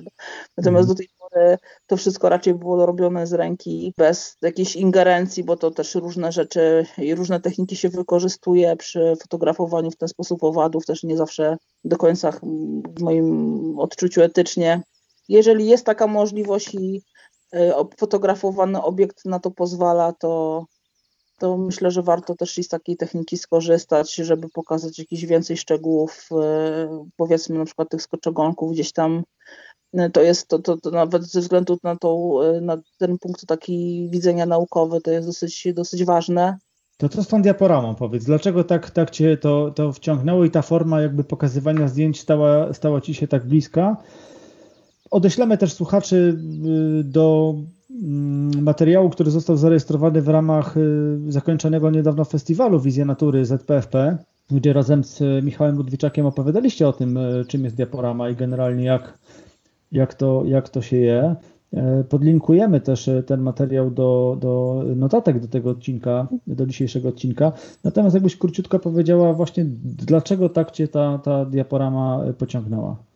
To w zasadzie ciężko powiedzieć, bo to ja po prostu zobaczyłam w zasadzie na początku takiej mojej mm, bardziej świadomej fotografii, zobaczyłam diaporamę i tak mi się to spodobało, że, że stwierdziłam, no, że bardzo chciałabym spróbować i Myślę, że y, to też pasuje y, ta forma wyrazu do charakteru zdjęć, które ja robię, bo właśnie w tych moich zdjęciach jest dużo nieostrości, a to bardzo lubi diaporama, bo tej nieostrości na zdjęciach musi być sporo, żeby właśnie fajnie budować ten trzeci obraz na przejściu między dwoma obrazami, y, ten taki tak. rzeczywisty i to, i to też się dobrze wpisuje w tą fotografię taką impresyjną, czyli ja jakby dzięki tym dwóm obrazom, dzięki temu przejściu i temu trzeciemu obrazowi jestem w stanie też jakieś wykreować jakieś obrazy, których no, które ciężko by było na przykład sfotografować w przyrodzie, a diaporama mi pozwala ten e, efekt,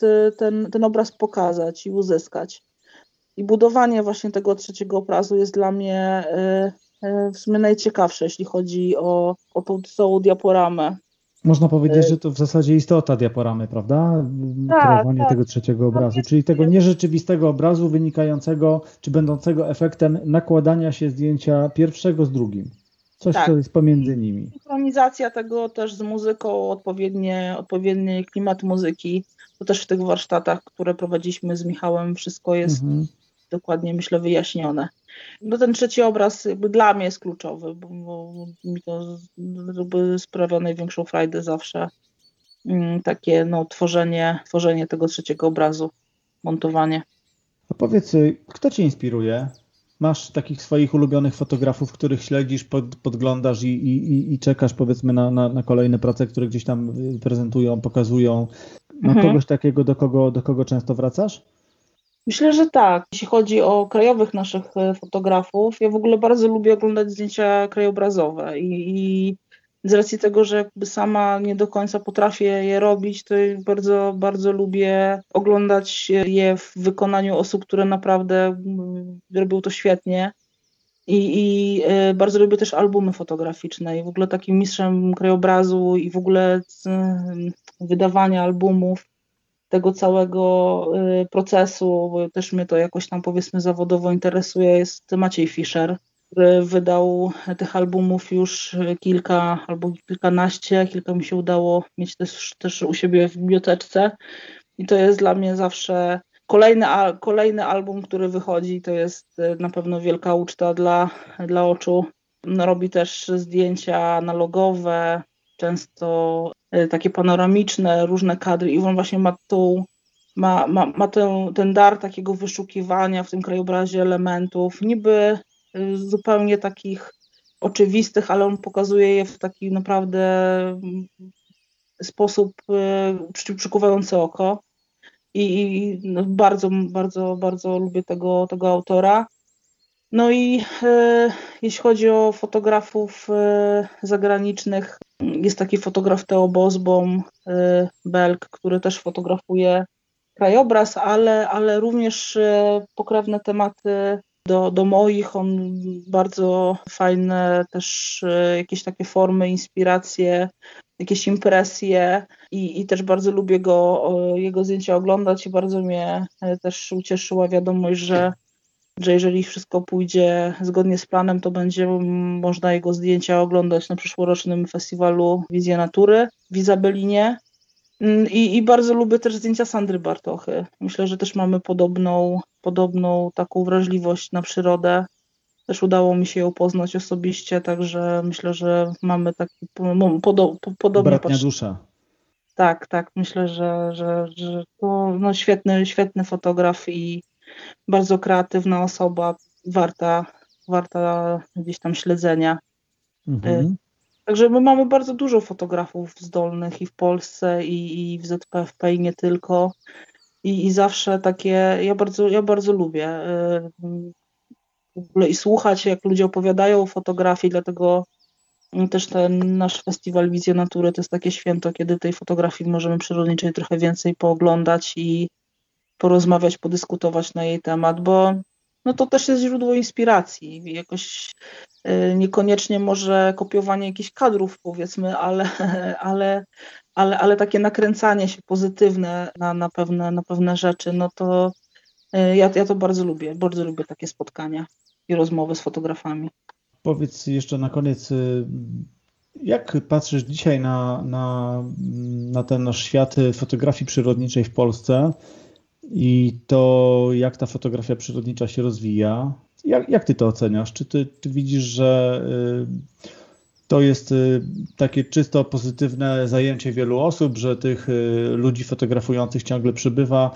Czy to wszystko idzie w, w dobrą stronę, czy, czy gdzieś może coś się trochę rozjeżdża i, i staje się to takim działaniem dla, dla tylko i wyłącznie zaspokajania Oczywiście uogólniam w pewien sposób, y, może nie powinienem aż tak sprawy stawiać, ale chodzi mi o to, że bardzo często mm, przeglądając no, chociażby zasoby internetu widzimy, że e, ta fotografia staje się takim e, typowym zaspokajaniem e, pewnych kaprysów. Mówiliśmy tutaj o tym, że trzeba się przy tym dobrze bawić, w jakiś sposób też realizować, rozwijać i tak dalej. To, to jedno nie wyklucza drugiego ale no jednak mnie się tak wydaje, że, że powinna przede wszystkim stać za tym po pierwsze pewna wrażliwość na, na przyrodę i taki trochę szerszy punkt widzenia, widzenie jej, również jej problemów w szerszym kontekście. No i przede wszystkim pewnego rodzaju reprezentowanie jej i, i, i również y, jej problemów, których dzisiaj przecież nie brakuje. Jak ty dzisiaj postrzegasz tą fotografię przyrodniczą w Polsce? No ja, ja, myślę, że każde podejście, gdzie fotografia jest y, stawiana na, na pierwszym miejscu, y, a przyroda gdzieś tam pomijana, no nie, nie jest dobrym podejściem. Jakby przyroda, dobro przyrody przede wszystkim.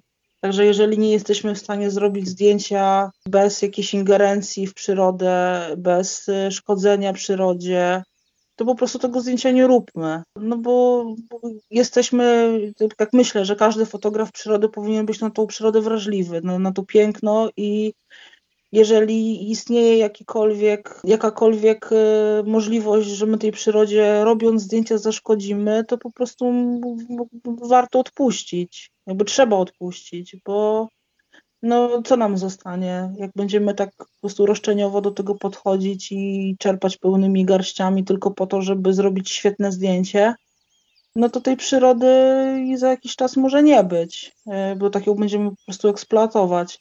To też nie jest tak, że każdy musi zrobić zdjęcie wilka czy niedźwiedzia, każdy musi go zobaczyć. E, przynajmniej ja tak wychodzę z takiego założenia. Też nigdy jakby takich zdjęć sama nie robiłam i jakby nie czuję potrzeby.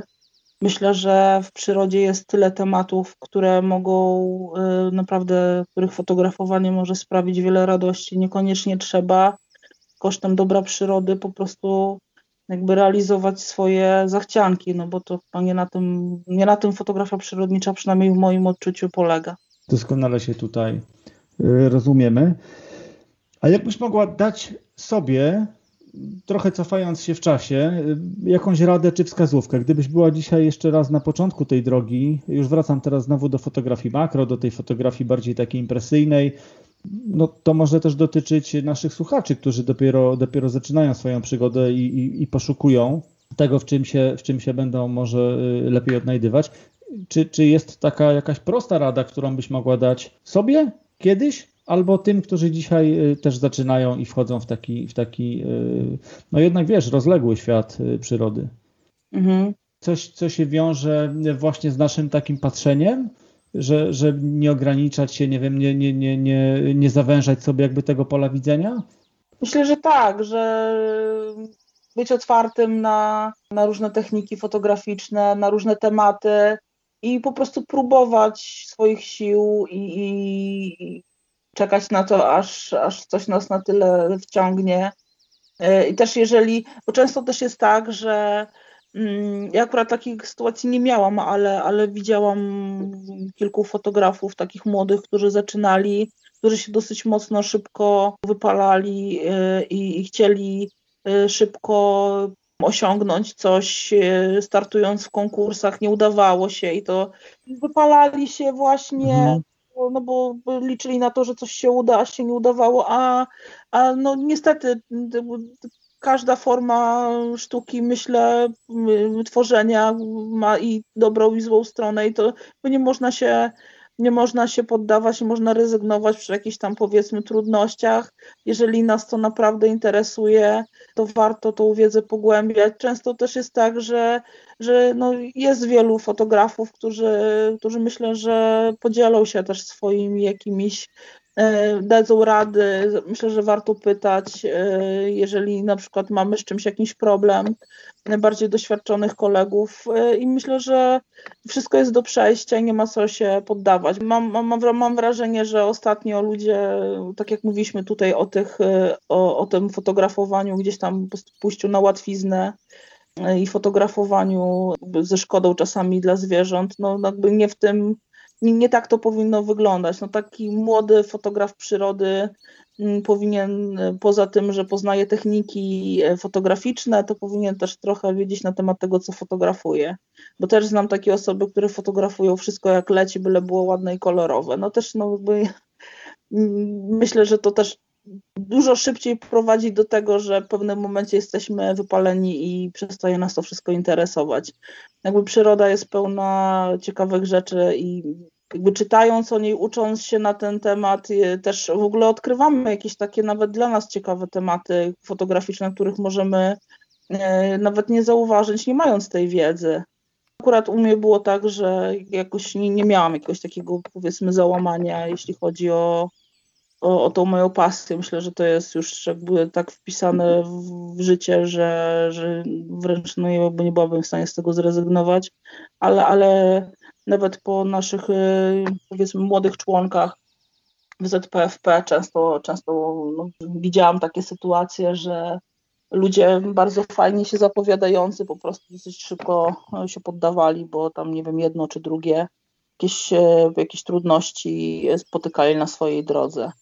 Też, też nie jest tak, że, że musimy od razu fotografować i zdobywać nagrody i myślę, że czasami nawet ja też tak mam no, ostatnio, że na przykład y, jak jest, nie wiem, piękna pogoda, gdzieś jestem na szczycie jakiejś y, góry w wschodzie słońca, to też nie robię zdjęcia za wszelką cenę, tylko często po prostu sobie obserwuję, odkładam aparat i... Przeżywasz, jesteś. Tak, bo ja wychodzę, znaczy często mam tak, że mam świadomość tego, że nie zrobię jakiegoś zdjęcia, które mm, które będzie, nie wiem, jakoś dla mnie powiedzmy ważne i, i, i satysfakcjonujące i wtedy wolę poobserwować niż tracić czas na zrobienie czegoś, co, co tam będzie mnie później tylko jakoś frustrowało, prawda? Że Jasne. czegoś nie, nie wykorzystałam warunków. Warto, warto czasami sobie po prostu poobserwować. Fotografia nie jest najważniejsza, tak myślę. Wiesz co, myślę, że takim po prostu mianownikiem dla, dla tego, co mówisz, jest yy, wspomniany już wcześniej pewien rodzaj wrażliwości i tego, że po prostu wiesz co, to się w sobie ma. I dlatego chyba też y, często nie ma takich dróg na skróty, i oczywiście dzisiaj łatwiej jest zdobyć pewną wiedzę, wiesz, wystarczy otworzyć y, YouTube'a i można sobie tam dowoli chłonąć różnego rodzaju y, poradniki, webinaria i tak dalej. Natomiast y, to chyba też no, nie, nie, zawsze się przekłada bezpośrednio jeden do jednego.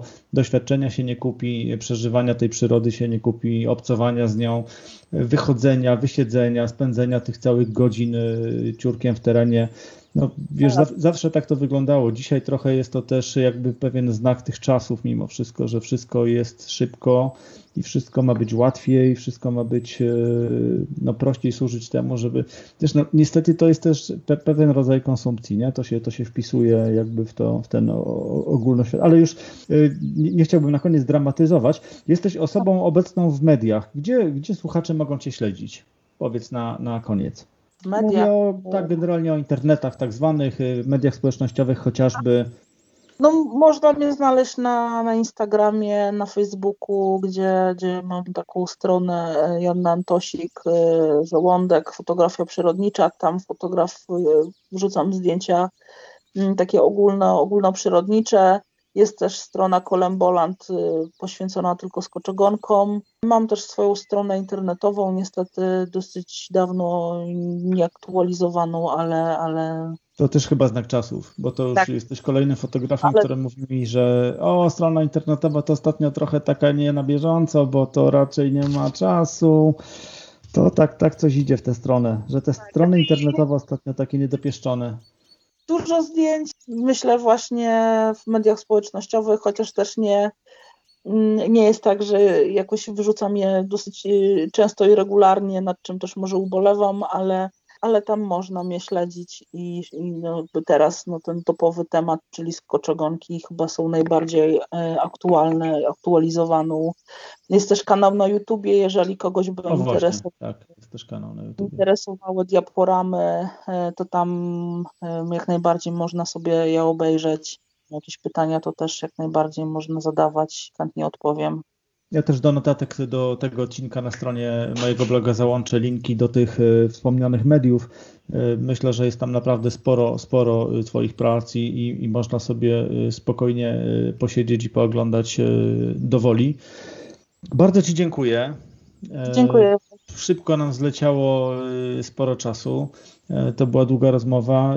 Dla mnie takie fajne, tak fajnie reprezentujesz po prostu tematy, które są nieoczywiste. Y, temat skoczogonków to jest w ogóle taka świeżość w tym naszym świecie fotografii, naprawdę powiało świeżością. Ekstra, bo to pokazuje, że, że naprawdę warto szukać i, i się rozglądać i, i, i, czasami zmienić perspektywę, czasami spojrzeć przez lupę. I, to też nie, nie mówię tu o takim typowym makro, no bo to jednak jest patrzenie przez lupę, ale, ale jednak szukanie, szukanie, rozglądanie się i, i, próba wyłuskiwania czegoś, co właśnie wnosi taką świeżość, no to jest y, dla mnie taki walor nie do przecenienia i za to bardzo Ci dziękuję. Ja dziękuję bardzo za zaproszenie i y, za to, że mogłam się podzielić moimi przemyśleniami na temat przyrody i fotografii. Super. W mm. takim razie wszystkiego dobrego, powodzenia w terenie, odkrywaj, odkrywaj dalej te światy, dziel się z nami, będziemy kibicować. Wszystkiego dobrego. Dziękuję i też wszystkiego dobrego, dużo zdrowia dla wszystkich. Dzięki. Wysłuchaliście rozmowy z Joanną Antosik-Żołądek. Teraz już e, wiecie, o czym mówiłem we wstępie do, do tej rozmowy. Myślę, że w tych czasach, kiedy, kiedy naprawdę sporo już e, widzieliśmy, i czasami wydaje nam się, że ten nasz świat fotografii przyrodniczej jest już e, nasycony albo wręcz przesycony pewnymi tematami, pewnymi takimi dosyć oczywistymi gatunkami tej fotografii przyrodniczej to mm, Asia świetnie tutaj e, ilustruje taki świeży trend, e, świeże myślenie, świeże spojrzenie, że nie stawajmy w miejscu, że idźmy cały czas kroczek po kroczku do przodu, ale tylko w tym znaczeniu e, poszukiwania, inspirowania się, rozwijania się, poszerzania swojego spojrzenia.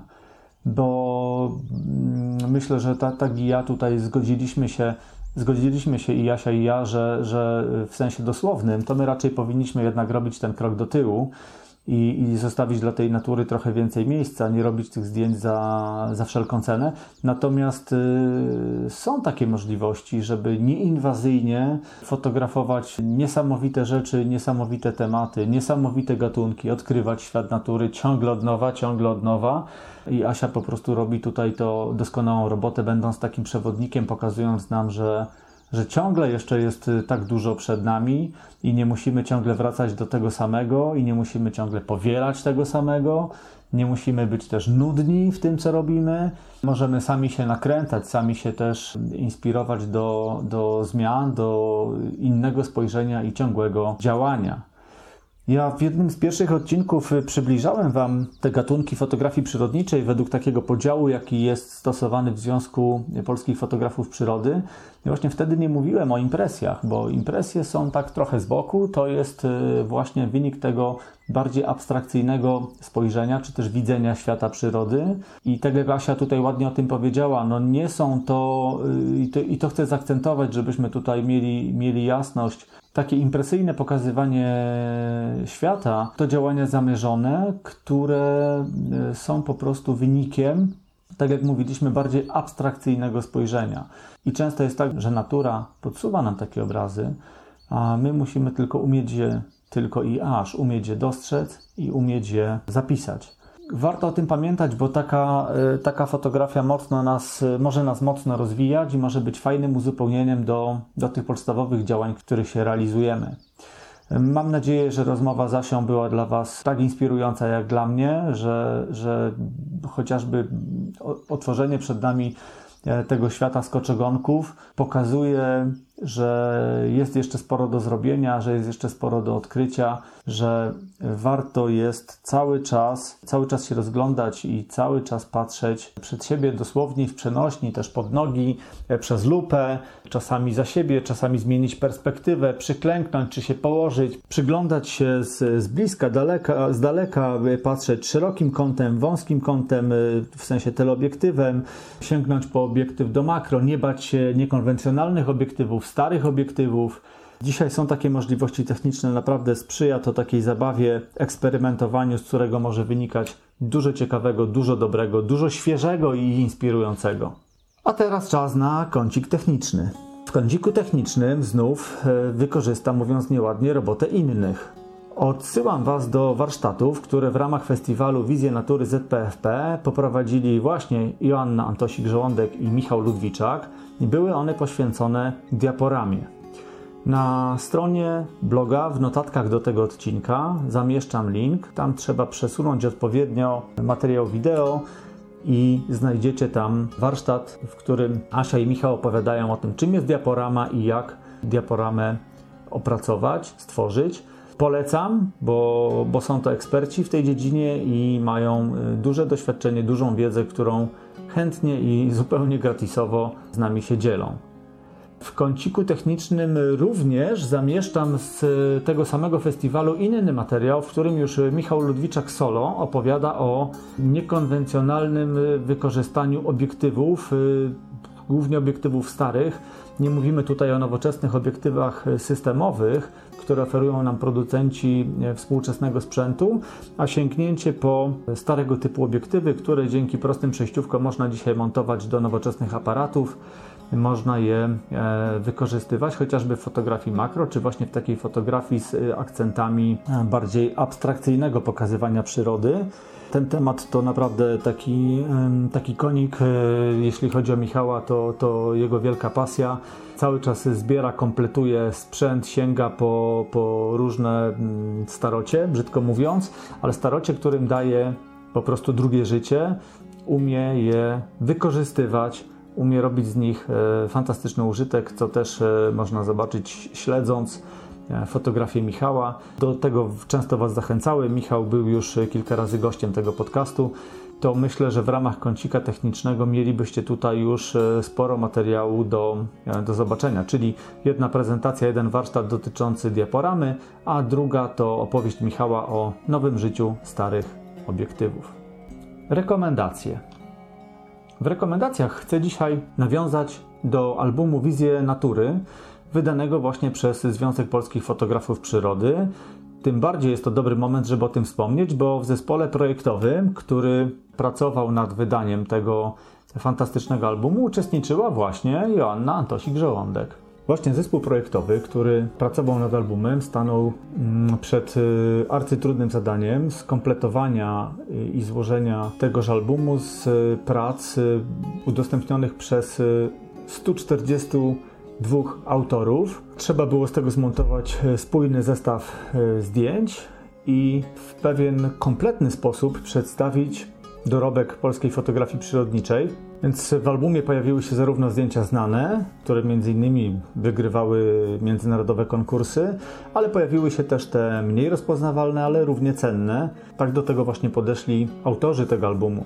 Jak pisze zespół projektowy, zebrane w albumie fotografie przedstawiają polską przyrodę, zostały wykonane przez fotografów zrzeszonych w ZPFP, największej tego typu organizacji w kraju. Mimo wielości podejść do fotografii przyrodniczej, autorów spaja wspólna wartość. Wszyscy wierzą, że odbiorcy tych zdjęć również będą należeć do tej jednej wspólnoty, którą łączy wyczucie estetyczne i wrażliwość na piękno przyrody, ale co ważne również szacunek do świata przyrody. Właśnie taki świat można odkrywać przeglądając ten album. Jeśli będziecie mieli taką okazję, jeśli wpadnie Wam w ręce, to, to jak najbardziej skorzystajcie z okazji, bo przeglądając ten album, y, mm, po prostu widzicie efekty wielu godzin i dni spędzonych y, przez fotografów w terenie, gdzie bardzo często y, każdy pracując indywidualnie, widząc gdzieś przez obiektyw aparatu ten świat przyrody po swojemu, wypracowuje pewien dorobek, z którym potem no właśnie idziemy do ludzi, żeby tych ludzi uwrażliwić na, na naszą fantastyczną przyrodę. I w tym znaczeniu ten album jest doskonałym narzędziem, narzędziem nie do przecenienia. Dlatego też e, warto do niego dotrzeć, e, warto go warto go przejrzeć. Myślę, że dla, dla ludzi, którzy są uwrażliwieni na przyrodę, ale też y, dla których ważna jest też pewna estetyka, docenią ten album, docenią to wydawnictwo i będą, będą bardzo zadowoleni z tego, co w albumie zobaczą. Album został wydany przez Związek Polskich Fotografów Przyrody w 2019 roku. Krok w tył.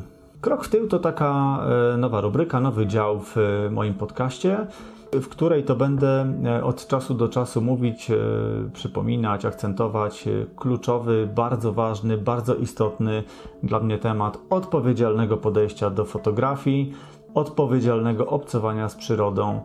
I chciałbym dzisiaj nawiązać raz jeszcze do, do materiału, który poruszyłem w ostatnim odcinku w 2020 roku, czyli odcinku o naszym podejściu do fotografowania przyrody i aspektach etycznych. Chciałbym e, zwrócić uwagę na dwie rzeczy. Po pierwsze, Kilka dni temu w programie informacyjnym jednej z telewizji ukazał się krótki materiał z Białowieży. Zresztą temat też podjął Marcin Kostrzyński w rozmowie z profesorem Rafałem Kowalczykiem z Instytutu Biologii Zwierząt PAN. Chodzi o to, że w Białowieży pojawia się, i mówimy tutaj o, o miejscowości Białowieża, pojawia się wilczyca, która nie boi się ludzi.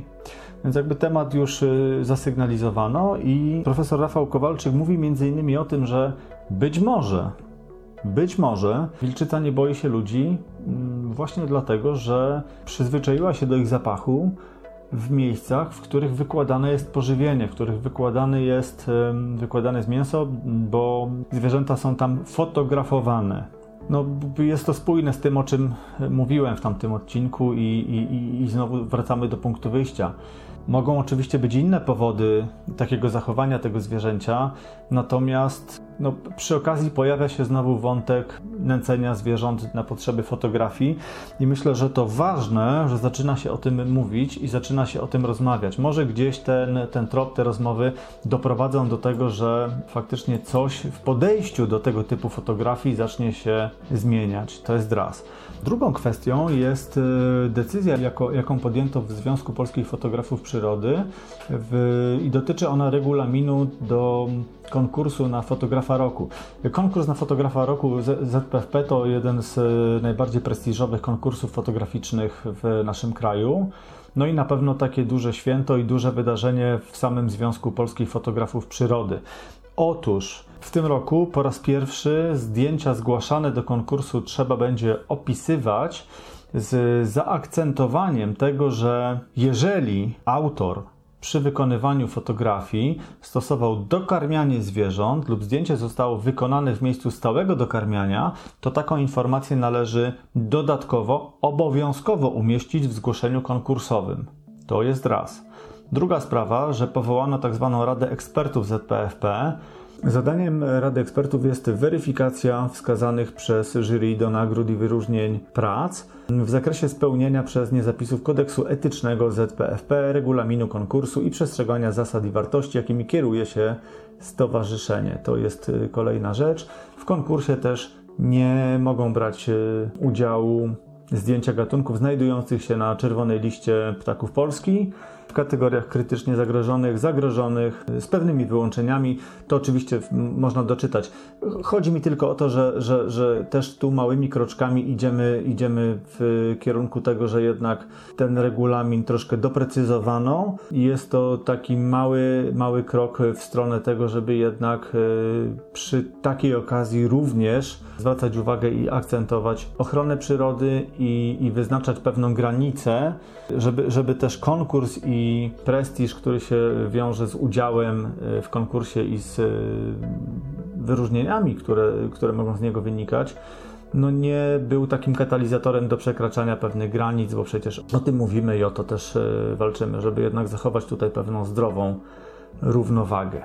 I na koniec jeszcze pewien optymistyczny akcent, Mówiłem Wam o tym, że, że od pewnego czasu dużo, dużo chodzę, dużo obserwuję. Inną moją pasją od wielu, wielu lat y, jest też takie długodystansowe bieganie. I w związku z tym e, czasami czytam sobie mm, książki różnych sportowców, y, biografie, bardzo to lubię. I trafiłem e, ostatnio na biografię Marcina Lewandowskiego. Marcin Lewandowski jest y, jednym z najbardziej utytułowanych polskich lekkoatletów w swojej karierze zdobywał, zdobywa medale w imprezach międzynarodowych. Jest e, medalistą Mistrzostw Europy, Mistrzostw Świata, ale jakby nie, nie to jest tutaj kluczową sprawą. Chodzi o to, że Marcin napisał w swojej książce, pisząc o swoich treningach, o lesie.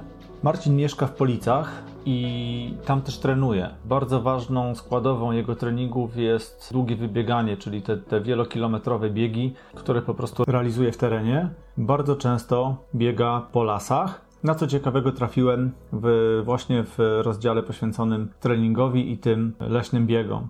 Marcin pisze o tym, że w trakcie takiego biegania po lesie bardzo mocno się dotleniamy i kiedy człowiek jest e, skutecznie dotleniony, mózg lepiej pracuje, że w trakcie takiego silnego dotlenienia czasami wchodzi się na takie bardzo wysokie obroty myślenia, pojawiają się wtedy w głowie rozmaite pomysły, które warto sobie gdzieś tam chociaż hasłowo za, zapamiętać, zapisać, a potem można je e, można je rozwinąć. No Marcin twierdzi, że to nie jest tylko jego zdanie, ale tak jakby naukowo potwierdzony fakt, że kiedy ten mózg jest dotleniony, staje się jakby bardzo, bardzo twórczy, łatwiej się myśli, łatwiej się zapamiętuje.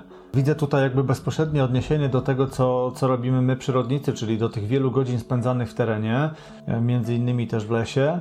Bardzo często doświadczamy tego, że, że właśnie pewien wysiłek połączony z tym, że mamy na przykład do przejścia pewien dystans, I właśnie dotlenienie powodują, że gdzieś w głowie zaczynają się trochę układać sprawy, trochę zaczynamy wchodzić właśnie na takie wysokie obroty, jesteśmy w stanie sobie dużo przemyśleć, poukładać. I, i Marcin pisze o tym tak. Las jest moją świątynią. Pomaga mi przemyśleć trudne sytuacje, idę pobiegać, Wtedy potrafię to wszystko przemyśleć. Takie leśne rozbieganie po prostu oczyszcza umysł.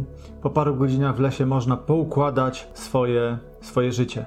To wydaje się dosyć banalne, ale to, to, to nie tylko jego słowa. Potwierdza to wielu innych biegaczy i wielu amatorów biegania, że dzięki właśnie temu dotlenieniu, temu przebywaniu w takim środowisku czują się lepiej, lepiej funkcjonują. Każdy, kto na przykład rano wychodzi na taki chociażby spacer z psem, czy, czy trening biegowy do parku, do lasu, tak, tak o tym pisze Marcin, że ludzie wychodzą przed robotą i czują się zupełnie inaczej, są naładowani, pozytywnie nastawieni do, do nadchodzącego dnia.